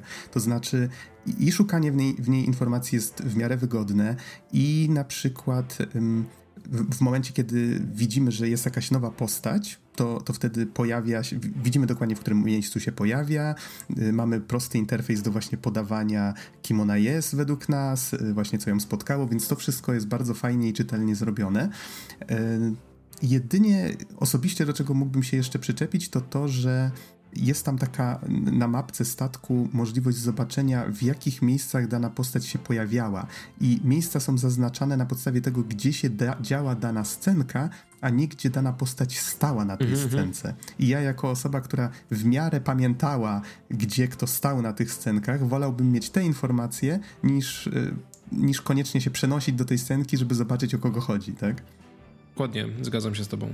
E, I właśnie tutaj wchodzi taka inna rzecz, która mnie osobiście irytowała. Nie wiem, czy ty miałeś ten sam problem podczas grania w tą grę, ale to jest niewielki mechaniczny spoiler, ale wydaje mi się, że jakby jest warty wspomnienia. Czasami jest tak, że nie ma na statku danego ciała danej osoby e, i wtedy jakby, jeżeli ta osoba umarła e, w konsekwencji innej sceny, to na przykład w trakcie tej sceny e, znaczy, może, może tak, musimy przejść przez taki łańcuch scenek, żeby dotrzeć do tego, co nas tak, interesuje. Ale tak, ale to, o czym chciałem właśnie powiedzieć, to jest tak, że powiedzmy, zaczyna się scena e, i kiedy oglądamy daną stop-klatkę, to jakby w tle rozgrywa się muzyka. I w momencie, kiedy muzyka dojdzie do końca, to, to jakby ekran się tak trochę zamyka i wtedy, jeżeli ta scena nie jest powiązana z żadną inną, to po prostu możemy dalej eksplorować tą scenę, nic się nie dzieje, ale jeśli ta scena jest powiązana z jakąś inną sceną, mianowicie ciało osoby, której nie ma na statku jest widoczne w tej scenie, to wtedy następuje taki właśnie łańcuch, gdzie. Znaczy, jakby z samym tym, że istnieje ten łańcuch, nie mam żadnego problemu. Problem, który mam, jest taki, że w momencie, kiedy gra chce nam zaprezentować ten łańcuch, to ona jakby tak wyrywa nas siłą, e, zmieniając jakby paletę kolorów e, lekko na, na tej scenie e, i sprawiając, że nasz zegarek drga. I on cały czas drga do momentu, w którym jakby nie, nie zaakceptujemy tego, że hej, gra chce nam pokazać, że tam jest ciało, i on cały czas tam jakby chodzi w ręce taki niespokojny. I to jest mega, mega irytujące, bo ja chcę się skupić na tej scenie, chcę sobie trochę pochodzić, chcę sobie trochę pooglądać, chcę zobaczyć, jakie tu są osoby, w jakiej są sytuacji, e, porównać to z tymi rzeczami, które słyszałem przed rozpoczęciem sceny, a tu cały czas ten zegarek nam wibruje i nie daje nam spokoju i chce nas już jakby pchać siłą do następnej sceny. No i jak, jak pójdziemy do następnej sceny, to żeby wrócić do tamtej sceny, to musimy wyskoczyć z tej nowej sceny, przejść się do odpowiedniego miejsca i z powrotem wejść w tą pierwotną scenę, dlatego że nie można tego zrobić z poziomu książki, i to było coś, co na mnie jako graczu, który oczekiwał właśnie takiej gry logiczno-detektywistycznej z takim bardzo, bardzo mozolnym tempem, gdzie możemy po prostu się oblać tym klimatem i wczuć się w całą tą sytuację, e, wywierało to niesamowitą presję, bo cały czas mamy ten cholerny zegarek, który się nie może uspokoić. Wiesz co, może troszkę, ale nie, nie przeszkadzało mi to aż tak bardzo, bo to właśnie jest ta pierwsza część gry, czyli ten flow jest taki zachowany. W sensie, kiedy widzimy scenkę po raz pierwszy, to ta muzyka tak efektownie e, gra, dzieją się tam na statku różne dziwne rzeczy, czasami paranormalne, więc jeżeli ktoś nie lubi takich wątków, to może się od tej gry odbić, ale myślę, że warto się przemóc, e, bo jest to fajnie jakby wkomponowane w całą historię jesteśmy wprowadzani w ten nastrój, pojawia się ta muzyka, tak jak mówisz, jak ona się kończy, to wtedy ta scenka próbuje nas zachęcić do tego, żeby już z niej wyjść. A czasami... Właśnie mnie to strasznie irytowało, mhm. bo ja wolałem sobie pozwiedzać i właśnie pouzupełniać te informacje, które już teraz mam w tym momencie, bo ja wiem, że jak ja pójdę tam dalej, to za pół godziny już zapomnę te wszystkie rzeczy. No tak, chociaż z tego co pamiętam, to chyba nie zawsze było tak, że Yy, znaczy, da, dało, się, dało się jakby w momencie, kiedy takie drzwi się pojawiają, przez które wychodzimy z, ze wspomnienia, dało się jeszcze chodzić i zwiedzać. Chyba czasami. Nie, można, tylko... można jeszcze chodzić i zwiedzać. Problem jest tylko taki, że właśnie no, cały czas ten zegarek nam świeci się w ręku. Ach, aż, aż takiego szczegółu już nie pamiętam, bo to jednak minęło odrobinę czasu, ale no tak, domyślam się, że to też, też może coś takiego tam było, takiego upierdliwego w tym. No, dałoby się to zrobić odrobinę lepiej. Um, ale... No, ale właśnie jakby mhm. chciałbym zaznaczyć, że pomimo... Znaczy, to są najgorsze rzeczy, jakie mogę zarzucić tej grze co sprawia, że praktycznie wszystko inne w tej grze jest naprawdę, naprawdę na super wysokim poziomie. I e, no właśnie, wydaje mi się, że przede wszystkim jest to rezultat dlatego, że raz mamy grę stworzoną przez pojedynczego twórcę, który miał niesamowicie jasną wizję tego, co chce zrealizować, ale miał też e, wystarczająco dużo czasu, no tak jak wspomnieliśmy wcześniej, około 4 lata developmentu na praktycznie jedną grę. I to widać, że to jest po prostu gra, gdzie ktoś mozolnie przemyślał to, co chce osiągnąć w tej grze, rozpisał sobie te wszystkie możliwe właśnie poszlaki, wszystkie osoby, które chciał mieć na statku, e, ich cechy, jaka ma być struktura statku. Wszystko to zostało przemyślane do naprawdę najmniejszych detali. I kończymy z grą, która po prostu ma niesamowicie dużo ciekawych rozwiązań, niesamowicie dużo fajnych rzeczy do powiedzenia, fabułę, która jest bardzo zaskakująca i tych parę mechanicznych zgrzytów, które może można by wyszlifować, ale tak naprawdę to są najgorsze rzeczy, do których ja się personalnie mogę przyczepić. Mhm. No tak, tutaj jak najbardziej się zgadzam, więc chyba nie mam zbyt dużo do dodania. Może tylko trochę, muszę to dodać, że niestety czułem się trochę rozczarowany samym zakończeniem tej historii, bo to jest fabuła, która i, tutaj może nadmienię, że gra ma kilka takich. Znaczy, nazywanie tego różnymi zakończeniami może jest trochę na wyrost, ale jakby gra zachęca nas do tego, żeby jednak um, znaleźć tą tożsamość tych 60 osób i wtedy nas nagradza brakującym rozdziałem, ale tej opowieści, ale możemy ją zakończyć wcześniej. Um, I właśnie gra nam tizuje przez całą fabułę to, że ten ostatni rozdział, on będzie jakiś zaskakujący, że on nam hmm. wyjaśni jakiś brakujący element, sprawi, że nam mózgi wybuchną. I, I właśnie ja po tych 10 godzinach, już siedząc do tej szóstej, mówiąc sobie, tak, muszę poznać tę niesamowitą tajemnicę i w pewnym momencie e, no okej, okay, tak, no, no fajnie. Tak, I napisy tak. końcowe. Absol Więc... Absolutnie się z tobą zgadzam. W sensie też, też byłem tym dosyć zaskoczony, bo to jest różnica. W sensie Wydaje mi się, że wciąż warto jest e, poznać losy tych 60 osób i jakby samemu sobie udowodnić, że jestem w stanie przyjąć te wszystkie informacje, które gra we mnie rzuca i wydedukować losy tych 60 osób, bo to jest po prostu fajna zagadka do rozwiązania. Ale tak jak mówisz, nie jest to spoiler, bo od samego początku jakby gra wyświetla nam tą kartkę na pierwszej stronie książki, że e, brakujący rozdział został wycięty i jakby więcej informacji, znaczy tak, jak, jak e, przeczytasz ten rozdział, to jakby wszystko stanie się jasne. No i my też jakby oczekiwaliśmy, że kurde, co to, co to tam będzie, jakie tam niestworzone rzeczy się będą działy w tym rozdziale. E, tak. Odpowiedź na wszystkie nasze te i sami sobie robiliśmy teorię do tego, co to może być na podstawie informacji z innych rozdziałów, po czym dostajemy faktycznie ten rozdział. Jest takie no spoko, no fajnie, e, tak, okej, okay, tak, to wszystko. To bo tam jest wspomniane właśnie ta osoba, która przesłała nam dziennik, pisze, że ona posiada ostatni rozdział opowieści, tak. ale udostępni nam go dopiero, jeżeli prześlemy jej e, uzupełnioną książkę. No tak, to, to się zgadza. E, przy czym ta historia dużo zyskuje, gdy już jak jest kompletna, ona się tam powoli gotuje w głowie i powiedzmy po iluś tam dniach po skończeniu tej gry, jak tak sobie teraz właśnie przygotowywałem się do recenzji, próbowałem sobie przypomnieć, co tam się działo, to faktycznie fajnie jest to skonstruowane. To znaczy, gra nam opowiada wydarzenia podobnie jak na przykład film Memento e, Nolana. Jeżeli ktoś oglądał, a jak nie oglądał, to polecam.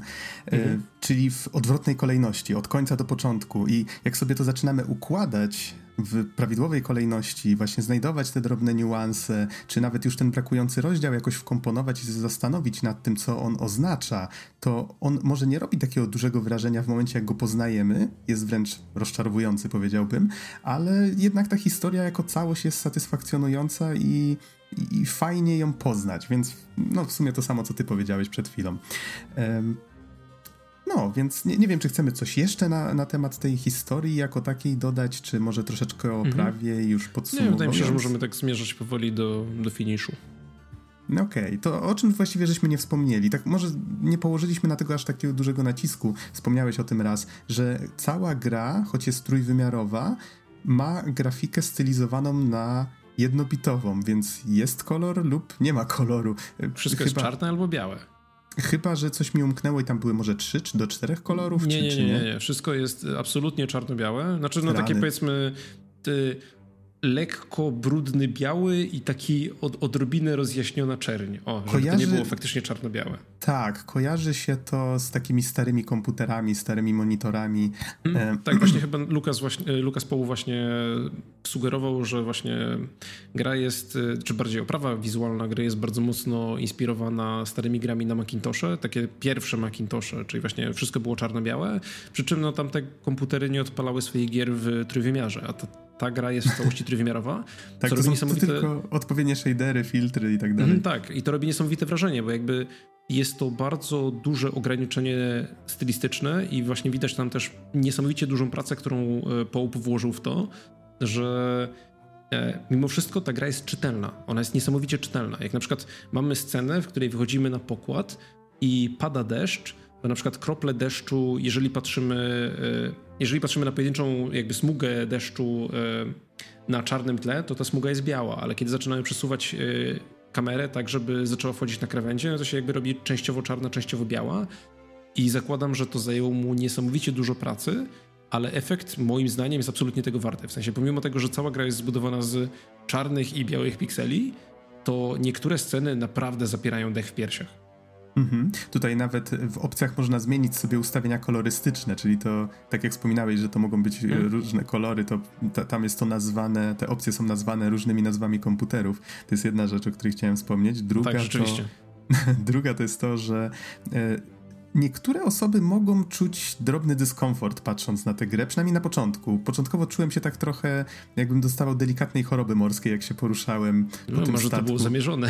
Może to było zamierzone, ale chodzi właśnie o to, że to jak te piksele się rozchodzą. Też mam wrażenie, hmm. że sporo researchu poszło w to, jak ta grafika ma działać, żeby właśnie ludzie e, nie, wymiotowali, nie wymiotowali przy niej, bo e, no jest to specyficzne, że niby poruszamy się w 3D, ale ta rozdzielczość wydaje się taka bardzo niska i właśnie ten tak, cała gra, jest, y, cała gra jest właśnie renderowana w mniejszej rozdzielczości i potem to jest mm -hmm. rozszerzane do twojego ekranu i to jest tak, też tak. zabieg celowy.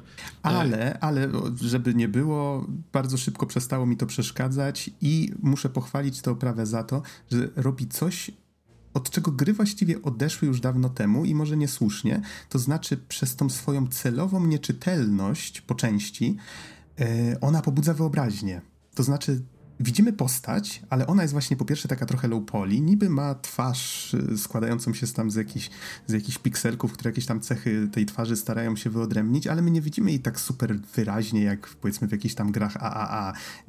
Nie jesteśmy w stanie powiedzieć, że tak, tak, ten facet ma tu powiedzmy zmarszczki albo, albo coś, nie widzimy każdego pora na skórze.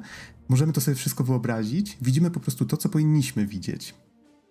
I to jest fajne, to jest fajne, to myślę, że gry trochę jakby straciły przechodząc na te bardziej uszczegółowione modele i piękną, wypucowaną grafikę 3D i to jestem pewien, że to jest celowe, celowy zabieg i bardzo fajnie się sprawdza w grze, w której właśnie takie szczegóły mają znaczenie. Hmm. No i tutaj jeszcze chciałbym nadmienić, że właśnie też twórca przez większość, czy też może cały okres tworzenia tej gry na forum dla game developerów, dla niezależnych właśnie twórców gier, e, które się nazywa TickSource, e, trzymał, jakby cały czas publikował swoje postępy prac nad grą w jednym temacie. I tam właśnie można znaleźć ten temat i można znaleźć jego naprawdę długie i szczegółowe posty na temat tego, jak na przykład zrobił animację postaci, znaczy animację postaci, jak zrobił właśnie przygotowanie modeli, modeli postaci, jak przygotował całą oprawę wizualną, żeby wyglądała tak jak trzeba i właśnie nie nie mieszało nam za bardzo w głowie, e, jak przygotował specjalne systemy, które e, sprawiają, że na przykład jak wchodzimy pod pokład, to dźwięk się rozchodzi w inny sposób. E, więc jeżeli ktoś jest zainteresowany tego typu rzeczami, to naprawdę, naprawdę polecam. Jest tam mega dużo ciekawych informacji. Mm, o, o tym nie wiedziałem, to ciekawostka. I to właśnie mogę sobie z tych dźwięków ładnie przepleść do wspomnienia o oprawie dźwiękowej gry, mhm. która też moim zdaniem jest naprawdę świetnie zrobiona. W sensie jest kilka kawałków muzycznych, które nie są może wybitne, ale bardzo fajnie podkreślają nastrój i jakby pasują do tej całej morskiej, do całego tego klimatu morskiej opowieści. Wkręcają się w głowę. Tak, zdecydowanie. Tym bardziej, że słyszymy je cały czas, szczególnie ten kawałek, który się zapętla, jak jesteśmy w jakiejś scenie. E, ale to, co chciałbym jakby wyjątkowo podkreślić, to jest to, że faktycznie e, pomimo tego, że grę robił w większości samemu, to jedna, jakby, jedno jakby miejsce, gdzie nie, gdzie nie robił tego samemu, to podłożenie głosów pod wszystkie 60 osób. Czyli nie, nie słyszymy tutaj e, połpa w różnych wersjach e, podkładającego głosy pod te wszystkie 60 osób, tylko faktycznie ma różnych aktorów głosowych do różnych e, osób i wydaje mi się, że niektóre osoby chyba podkładały głos pod na przykład dwie, trzy różne osoby, ale z innymi akcentami, ale generalnie tego nie, nie, się nie słyszy. W sensie wszystko brzmi tak, jak powinno i faktycznie wykorzystując różne głosy albo różne akcenty można też dedukować e, tożsamość postaci, co jest bardzo fajne. Mhm. No dobrze, już wspomnieliśmy chyba o wszystkim, co najważniejsze, tak mi się przynajmniej wydaje. Chyba tak a propos podsumowania, wspominaliśmy już o tym, że grę można przejść bardzo szybko, czyli powiedzmy w 4 godziny, ale wydaje mi się, że nikt tego nie zrobi przechodząc tę grę po raz pierwszy. E, mnie zajęło to tam niecałe 11, Spierkowi z Kamilą chyba ile? Tam 8? Co, coś koło yy, Tak, tego. tak. Było to dokładnie 8 godzin z małym hakiem. No właśnie tak pamiętam, że mi opowiadałeś. No i jeżeli o mnie chodzi, to tutaj już trochę, trochę wspomniałem właśnie o tych wadach, podobnie jak ty, Spierek, e, ale chciałbym podkreślić, że bawiłem się bardzo dobrze. Gdyby ta gra była naprawdę, nie wiem, niedopracowana czy coś, nie spędziłbym z nią tyle czasu i przede wszystkim nie spędziłbym go aż do 6 nad ranem. E, więc cieszę się, że w to zagrałem, cieszę się, że ta gra powstała, jest naprawdę fajna i wyjątkowa i myślę, że jeżeli tylko to, o czym tutaj mówiliśmy, zabrzmiało dla was choć trochę ciekawie, lubicie gry detektywistyczne, to według mnie powinniście um, zagrać w Return of Obradin. Absolutnie się z Tobą zgodzę. W sensie też wydaje mi się, że Return of, Return of the Obra Dinn jest grą wyjątkową. Nie ma czegoś takiego innego na rynku i pomimo trochę wysokiej ceny jak na grę indie, czyli 20 dolarów, moim zdaniem absolutnie warto zagrać. Jest to bardzo, przede wszystkim bardzo fajna opowieść detektywistyczna z ciekawymi zwrotami akcji, z bardzo ciekawą mechaniką i oprawą wizualną i czymś, co po prostu mam nadzieję, że zostanie w Was na troszkę dłużej.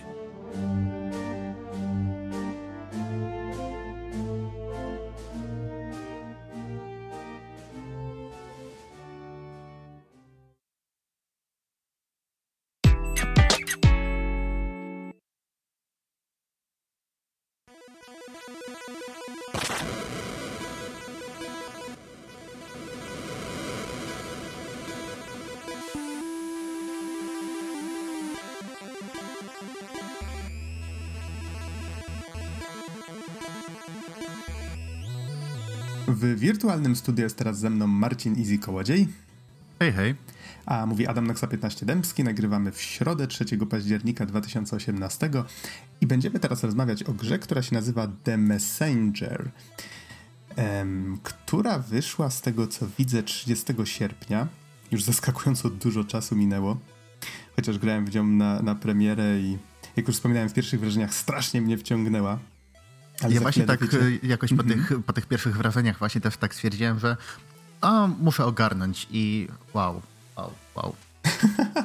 Mieliśmy straszny problem z tą recenzją, ponieważ gra opiera się o pewne pomysły, które są nawet pokazywane w zwiastunach, więc to nie jest tak, że twórcy się nimi nie chwalą. Po prostu te pomysły są pokazywane na tyle późno w grze, że można by je uznać w sumie za takie psucie pewnych niespodzianek, no bo... Hmm no cóż, nawet sama gra się z tego troszeczkę śmieje w dialogach, ale myślę, że do tego jeszcze przejdziemy. Zresztą y, trzymaj się easy tej myśli, ponieważ chciałbym się właśnie dowiedzieć, jak ty to odebrałeś, bo grałeś bez oglądania żadnych materiałów wcześniej. Więc o, do, za sekundkę do tego wrócimy. Jeszcze tylko powiem, że grę stworzyło Sabotage Studio, została wydana przez Devolver Digital, a możecie w nią zagrać na PC i na Switchu. No i przypominam, 30 sierpnia, więc całkiem niedawno wyszła. Mm, no i właśnie, wróćmy Easy może do tej myśli, czyli powiedz mi, e, może, może tak. Przede wszystkim mamy tutaj do czynienia z grą platformową, silnie inspirowaną Ninja Gaiden. No i właśnie powiedz mi, jak sądzisz, jak, jak ty odebrałeś granie w nią bez znajomości tych, tych wszystkich feature'ów, którymi twórcy się chwalili. Czy myślisz, że powinniśmy o nich mówić od razu, czy może zostawić trochę jednak przestrzeni na początku recenzji? Yy, wiesz co, powiem tak, jeżeli, jeżeli ktoś zobaczy jakieś pojedyncze screeny i, yy, i yy, nie zobaczy po prostu zbyt dużo materiałów związanych z tą grą, na pewno nie obejrzy trailera, to na pewno y, tak jakby to trochę nabierze większej głębi. Na zasadzie ja nie wiedziałem totalnie nic, oprócz tego, co usłyszałem właśnie na, na pierwszych wrażeniach. I okazało się, że ta gra w tylu różnych dziwnych momentach mnie zaskoczyła. I to były takie naprawdę bardzo, bardzo miłe zaskoczenia, więc myślę, że możemy przejść do jakichś takich podstawowych informacji i w pewnym momencie po prostu powiemy stop, jeżeli chcesz się zaskoczyć, to nie słuchaj dalej. Okej, okay. no ale zakładamy, że tych informacji podstawowych nie będzie znowu tak, e, tak e, dużo, więc jeżeli ktoś chciałby po prostu po samym fakcie, że jest to platformówka, jest bardzo dobrą platformówką, kilkanaście godzin dobrej zabawy. Jeżeli zachęca go to, że jest inspirowana silnie Ninja Gaiden, to tym takim staruteńkim Ninja Gaiden jeszcze z czasów Pegasusa, zresztą oprawa też właśnie bardzo nawiązuje do tych 8-bitowych czasów, no to jeżeli to wam wystarczy, to możecie wrócić do tej recenzji później, tak? A jak nie, to słuchajcie dalej. Ja bym jeszcze dodał jedno. Mhm. Y sama gra nie bierze się zbyt poważnie. W sensie jest, A, tak. jest śmieszna, zabawna i taka bardzo lekka, jeżeli chodzi o, o całość, więc to też nie jest mega ciężka po prostu platformówka, która by, która jest Ninja Gaidenem nowym. Nie. To jest coś nowego, coś fajnego i coś lekkiego. Mhm. Tak, ona jest bardzo lekka w formule tego, jak opowiada pewną historię, a trzeba przyznać, historia pełni tutaj bardzo ważną rolę. Do tego właśnie ma sporo takich śmiesznych wstawek powstawianych, dużo nieobowiązkowych dialogów, które warto odkrywać, bo są po prostu zabawne, a czasami nawet starają się przemycać do historii jakieś takie, widać, że przemyślenia samego twórcy, gdzie niegdzie nawet gra nie ukrywa puszcza do nas oko, że to sam twórca pewne rzeczy próbuje wprost po prostu powiedzieć na temat swoich własnych doświadczeń, e, które po części wynikały prawdopodobnie też właśnie z tworzenia tej gry i, i próby pokazania światu e, swojej własnej opowieści, tak? To jest bardzo fajne i, i trzeba przyznać, że, że fajnie, że gra tak stara się burzyć trochę tą czwartą ścianę i robi to już właściwie od samego początku, więc przyzwyczaja nas do tego. Um, Poza tym, no właśnie, jest tutaj sporo takiego trochę głupkowatego humoru, no ale gra potrafi być równie głupkowata, co zajebista, więc e, nie brakuje tutaj jakichś takich fajnych momentów, e, dużo jakiejś takiej epickiej akcji, czy, czy tym podobnych rzeczy. E, Okej, okay, może powiedzmy na wstępie jeszcze, o co właściwie chodzi w samej fabule, czyli mamy tak, mamy młodego ninja, niespodzianka, który żyje sobie w wiosce na skraju jakiejś wyspy razem z, ze swoim klanem i krąży jakaś taka legenda prze, z pokolenia na pokolenie przenoszona, że któregoś razu przyjdą demony czy potwory i zabiją całą ludzkość. No, właściwie ta wioska jest taką ostatnią ostoją ludzkości.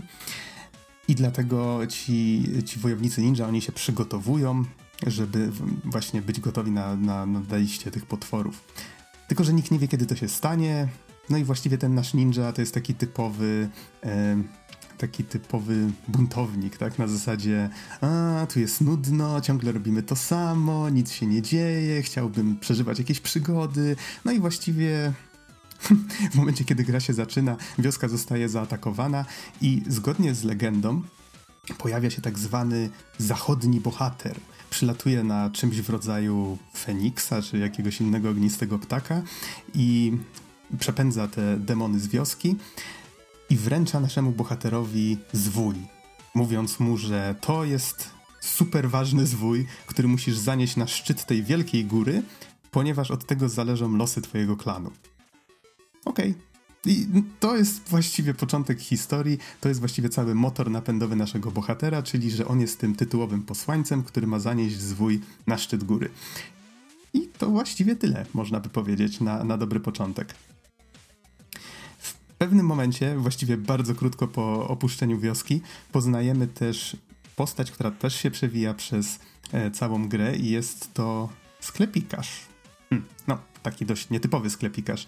To znaczy, wchodzimy przez jakieś magiczne drzwi do czegoś, co wygląda właśnie jak, jak hmm, można by powiedzieć, pokój maga, masa dziwnych przedmiotów, jakichś e, dziwnych e, stworzeń, jakaś tam macka gdzieś wystaje z jakiegoś pojemnika.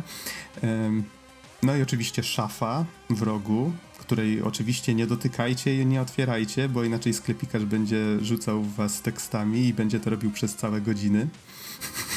I co więcej, tutaj rzeczywiście, rzeczywiście jest taki moment, gdzie sklepika w y, kawę gracza za właśnie dopytywanie się, co jest w szafie i, i normalnie tak jak sobie pomyślimy, że gra może ukarać w jakiś sposób gracza, nie no to mamy na myśli, nie wiem, stracenie jakiegoś życia, jakiejś waluty czy cokolwiek, a tam po prostu sklepikarz mówi, dobra, sam chciałeś, teraz musisz mnie słuchać i nie możesz przewijać. tak, mówi, teraz opowiem ci bardzo długą historię i nie możesz jej przewinąć. Ym, więc tak, gra burzy tą czwartą ścianę, ona wręcz się bawi trochę tym... Ym, tym, że sama jakby zdaje sobie sprawę z tego, że jest grom, tak? Czyli zwłaszcza ten sklepikarz, no bo nasz bohater co prawda jest taką postacią trochę bardziej zakorzenioną w tym, w tym świecie.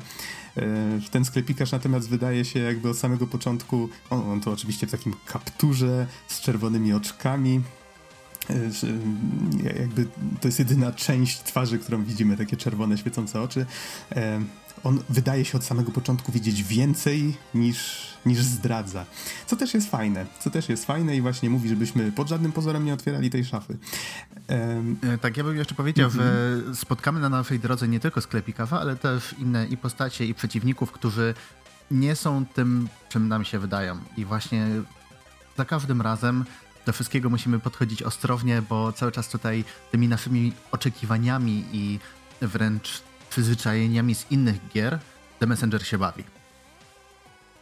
Mhm. Tak, tak, zgadza się. E, zresztą tutaj wspomniałem o tym burzeniu czwartej ściany, żeby podać jakiś taki przykładowy dialog, chociażby to na samym początku pierwsze drzwi do sklepiku, które znajdujemy, one są w takim głębokim dole i, i widać po bokach, że są jakieś takie jakby miejsca, gdzie można się chwycić na ścianie, ale nie mamy umiejętności, która nam na to pozwala. No i my jako gracz od razu myślimy sobie, aha, okej, okay, czyli zaraz wejdziemy w te drzwi i za chwilę pewnie dostaniemy coś, co pozwoli nam się stąd wydostać. No i od razu oczywiście sklepikarz nam mówi, że no dobrze, to tutaj słuchaj, masz e, coś, co pozwoli ci się wspinać po, po tam gzymsach czy innych takich rzeczach, e, a, a, bohater wtedy mówi, no tak, tak, bo czułem właściwie, że coś takiego będzie mi za chwilę potrzebne. E, a, a ten sklepikarz tylko odpowiada, no oczywiście, ba, przecież nie, nie możemy pozwolić, żeby twój progres teraz się zatrzymał, masz tutaj uratować świat, tak? Więc tak, to to mniej więcej ten poziom e, humoru, chociaż oczywiście dużo lepiej brzmi w grze, jest dużo więcej zabawnych sytuacji. Natomiast jeszcze wspomniałeś tutaj o postaciach i wydaje mi się, że warto wspomnieć o jeszcze jednej. Mianowicie, nie pamiętam jak się nazywał, ale był to taki mały diabełek, który pojawia się w momencie, kiedy zginiemy. I autentycznie on się po raz pierwszy pojawia w grze dopiero kiedy zginiemy i się śmieje z nas, mówiąc, że gdybyś miał choć trochę skilla, to właściwie nigdy byśmy się nie poznali. I jego rola polega na tym, że za każdym razem jak giniemy, to on zatrzymuje czas i nas siup, e, przenosi trochę e, wcześniej w bezpieczne miejsce, żebyśmy e, no, po prostu nie zginęli, tak? Więc to jest e, taka postać, która pełni rolę takiego jakby zastępstwa dla. Znaczy, jest to po prostu fabularne uzasadnienie checkpointów, ale sama postać śmieje się z tego, że a, mówili mi, że, że mo, ta, moja praca tutaj jest lepsza niż system checkpointów. Tak?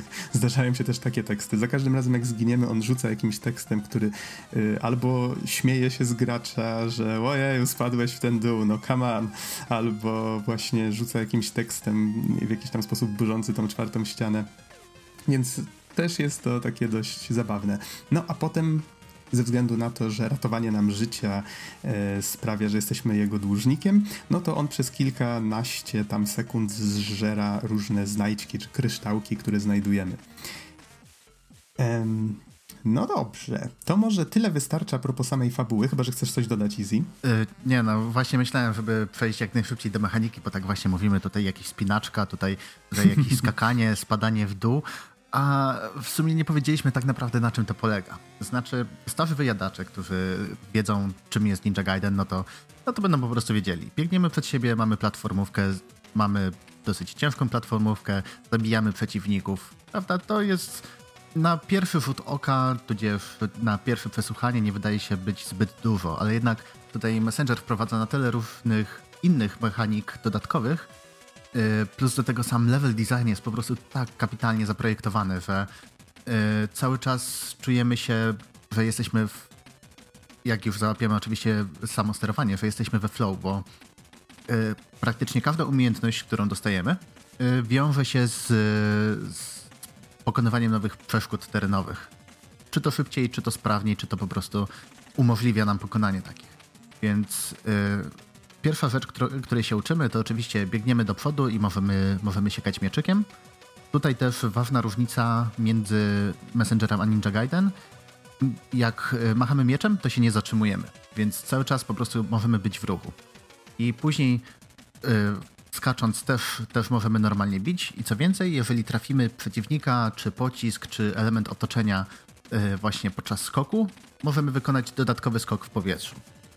I już same, sama ta podstawowa mechanika daje nam po, po, prostu bardzo dużo możliwości i zarówno nam jako graczom właśnie do pokonywania y, kolejnych, y, kolejnych przeszkód, jak i designerom do zaprojektowania czegoś naprawdę fajnego. I później wchodzą dodatkowe rzeczy, właśnie tam, tak jak Nox mówiłeś, y, skakanie po, po ścianach, nawet mhm. nie tyle skakanie po ścianach, co możemy się dowolnie wspinać w górę w dół. Jeszcze, no my, myślę, że można nawet powiedzieć trochę o jeszcze dwóch umiejętnościach, mianowicie mamy jeszcze linkę, która pozwala nam się przyciągać do różnych przedmiotów, mamy na przykład ym, coś, co pozwala nam szybować, więc to tak jak wspomniałeś, ten flow, jeżeli tylko ktoś odpowiednio, jeżeli ktoś załapie tego skilla, że faktycznie już zrobi się za, bardziej zaawansowany, doświadczony y, w tym, jak się kieruje w tej grze, to właściwie może nie dotykać ziemi więc jest to bardzo fajne i chciałbym kiedyś zobaczyć speedrun tej gry i co można z niej wycisnąć, bo wydaje mi się, że daje to dużo możliwości, których sam nie byłem w stanie w pełni wykorzystać. Tak, właśnie myślę, że to może być bardzo fajne do oglądania, tak samo jak kiedyś rozmawialiśmy o Celeste, że Celeste jest taką grą, która wprowadza się po prostu we flow, że jak już wiesz jak się poruszać, to wtedy jest idealnie czujesz się jak speedrunner. Myślę, że tutaj w Messengerze będzie podobnie, ale chciałbym jeszcze zaznaczyć, że y, same elementy platformowe nie są aż takie trudne w całej grze. Tak naprawdę nie było zbytnio takich miejsc, gdzie miałbym większe problemy. A, y, więc na pewno tym się różni od Ninja Gaidena, y, ale też w grze jest kilka takich dodatkowych wyzwań, które rzeczywiście nie dość, że sprawdzą po prostu do samych granic możliwości, sprawdzą reakcję graczy, znajomość najróżniejszych mechanik, jak je łączyć ze sobą w odpowiednie ruchy, Y, ale także niektóre z nich wprowadzają nowe mechaniki, które no też potrafią zaskoczyć. Mhm. Um, nie wiem, czy chcemy trochę mówić na temat samych lokacji. Właściwie są dość różnorodne, ale chyba, no, żeby chociaż podać parę przykładów, no mamy jakieś katakumby, tak, jakieś e, no, górskie szczyty, co tutaj samo się narzuca, bo wiadomo, że fabularnie się wspinamy na górę, no ale co chwila odwiedzamy właściwie jakąś inną lokację, która zmienia zupełnie otoczenie. To raczej można powiedzieć standardowe w tego typu grach. Natomiast, no właśnie, i tu chyba powoli przechodzimy do tego, o czym niektórzy może chcieliby nie wiedzieć, chociaż tak jak wspomnieliśmy, twórcy chwalą się tym e, w zwiastunach, więc jeżeli chcecie mieć więcej niespodzianek, to radzimy w tym momencie przestać słuchać recenzji i wrócić do niej później. Natomiast pozostałym już mówimy o co chodzi. Bo wydaje mi się, że jest to o tyle ważny feature, że być może niektórych zachęci właśnie do sięgnięcia po tę grę. Ja bym powiedział, że to jest nawet y, kluczowy element designu tej gry. Mhm, tak, okej, okay, okej, okay, faktycznie masz rację. Um, chociaż jest przedstawiany właśnie strasznie późno w fabule, dlatego jest o tyle ciekawszy. Um, mianowicie przez właściwie połowę gry, mam takie wrażenie, twórcy przyzwyczajają nas do tej 8-bitowej stylistyki, i w pewnym momencie dostajemy możliwość wskakiwania w coś w rodzaju portali, które sprawiają, że momentalnie ta 8-bitowa stylistyka przeskakuje w 16-bitową.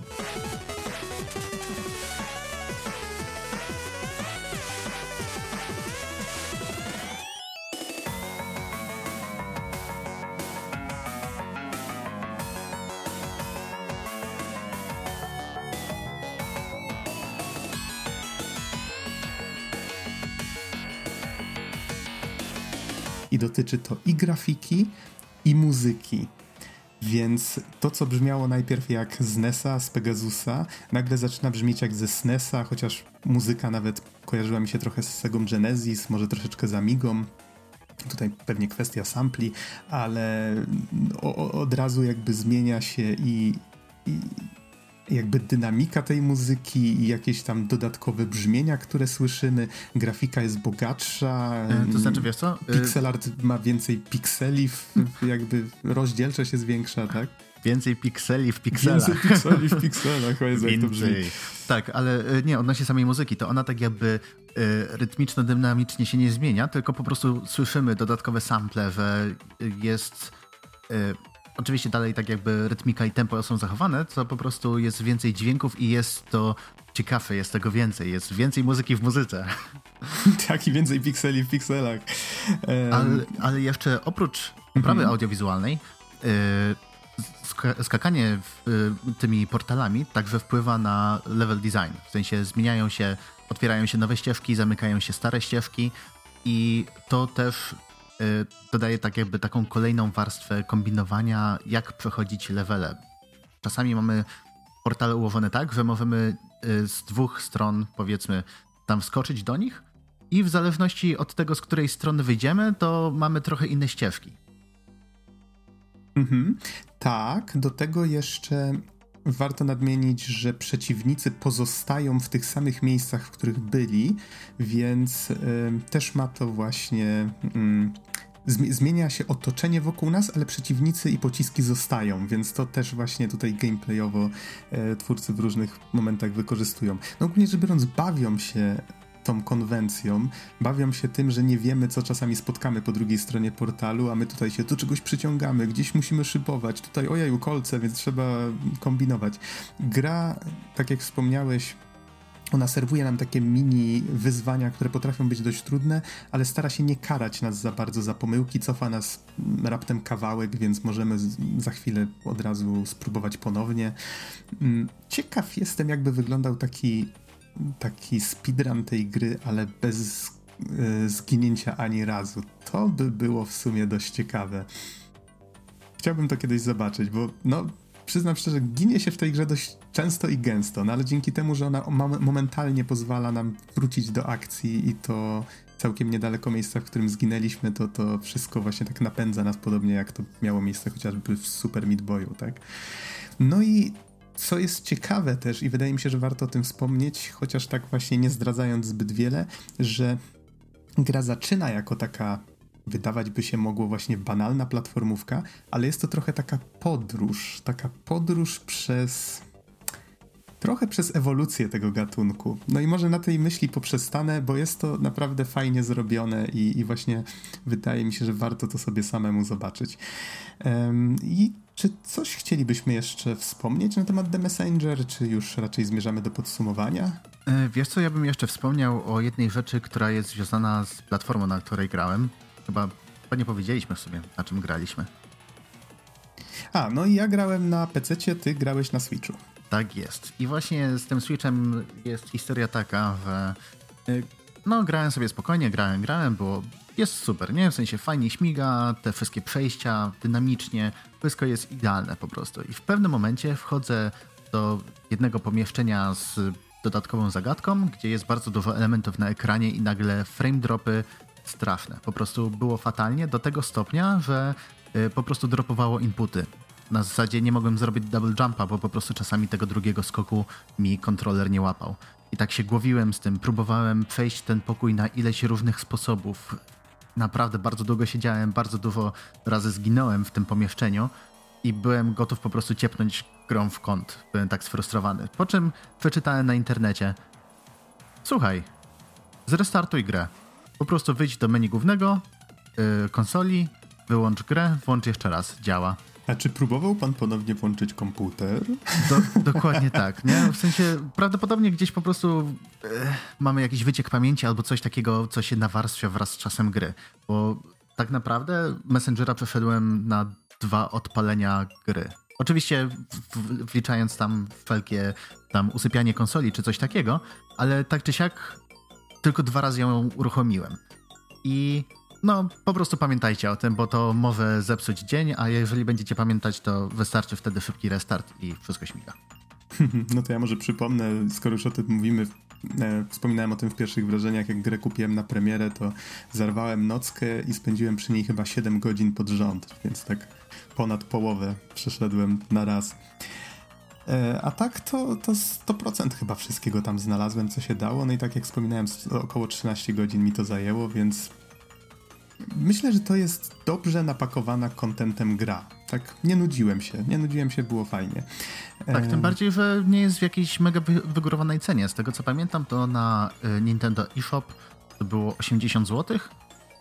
Więc jak za paręnaście godzin rozgrywki, która jest naprawdę bardzo dobra, jest fajna, y, świetnie zaprojektowana, audiowizualnie po prostu prześwietna, rewelacyjna, to 8 dych za coś takiego to po prostu rzucać, rzucać pieniędzmi w monitor jak najszybciej.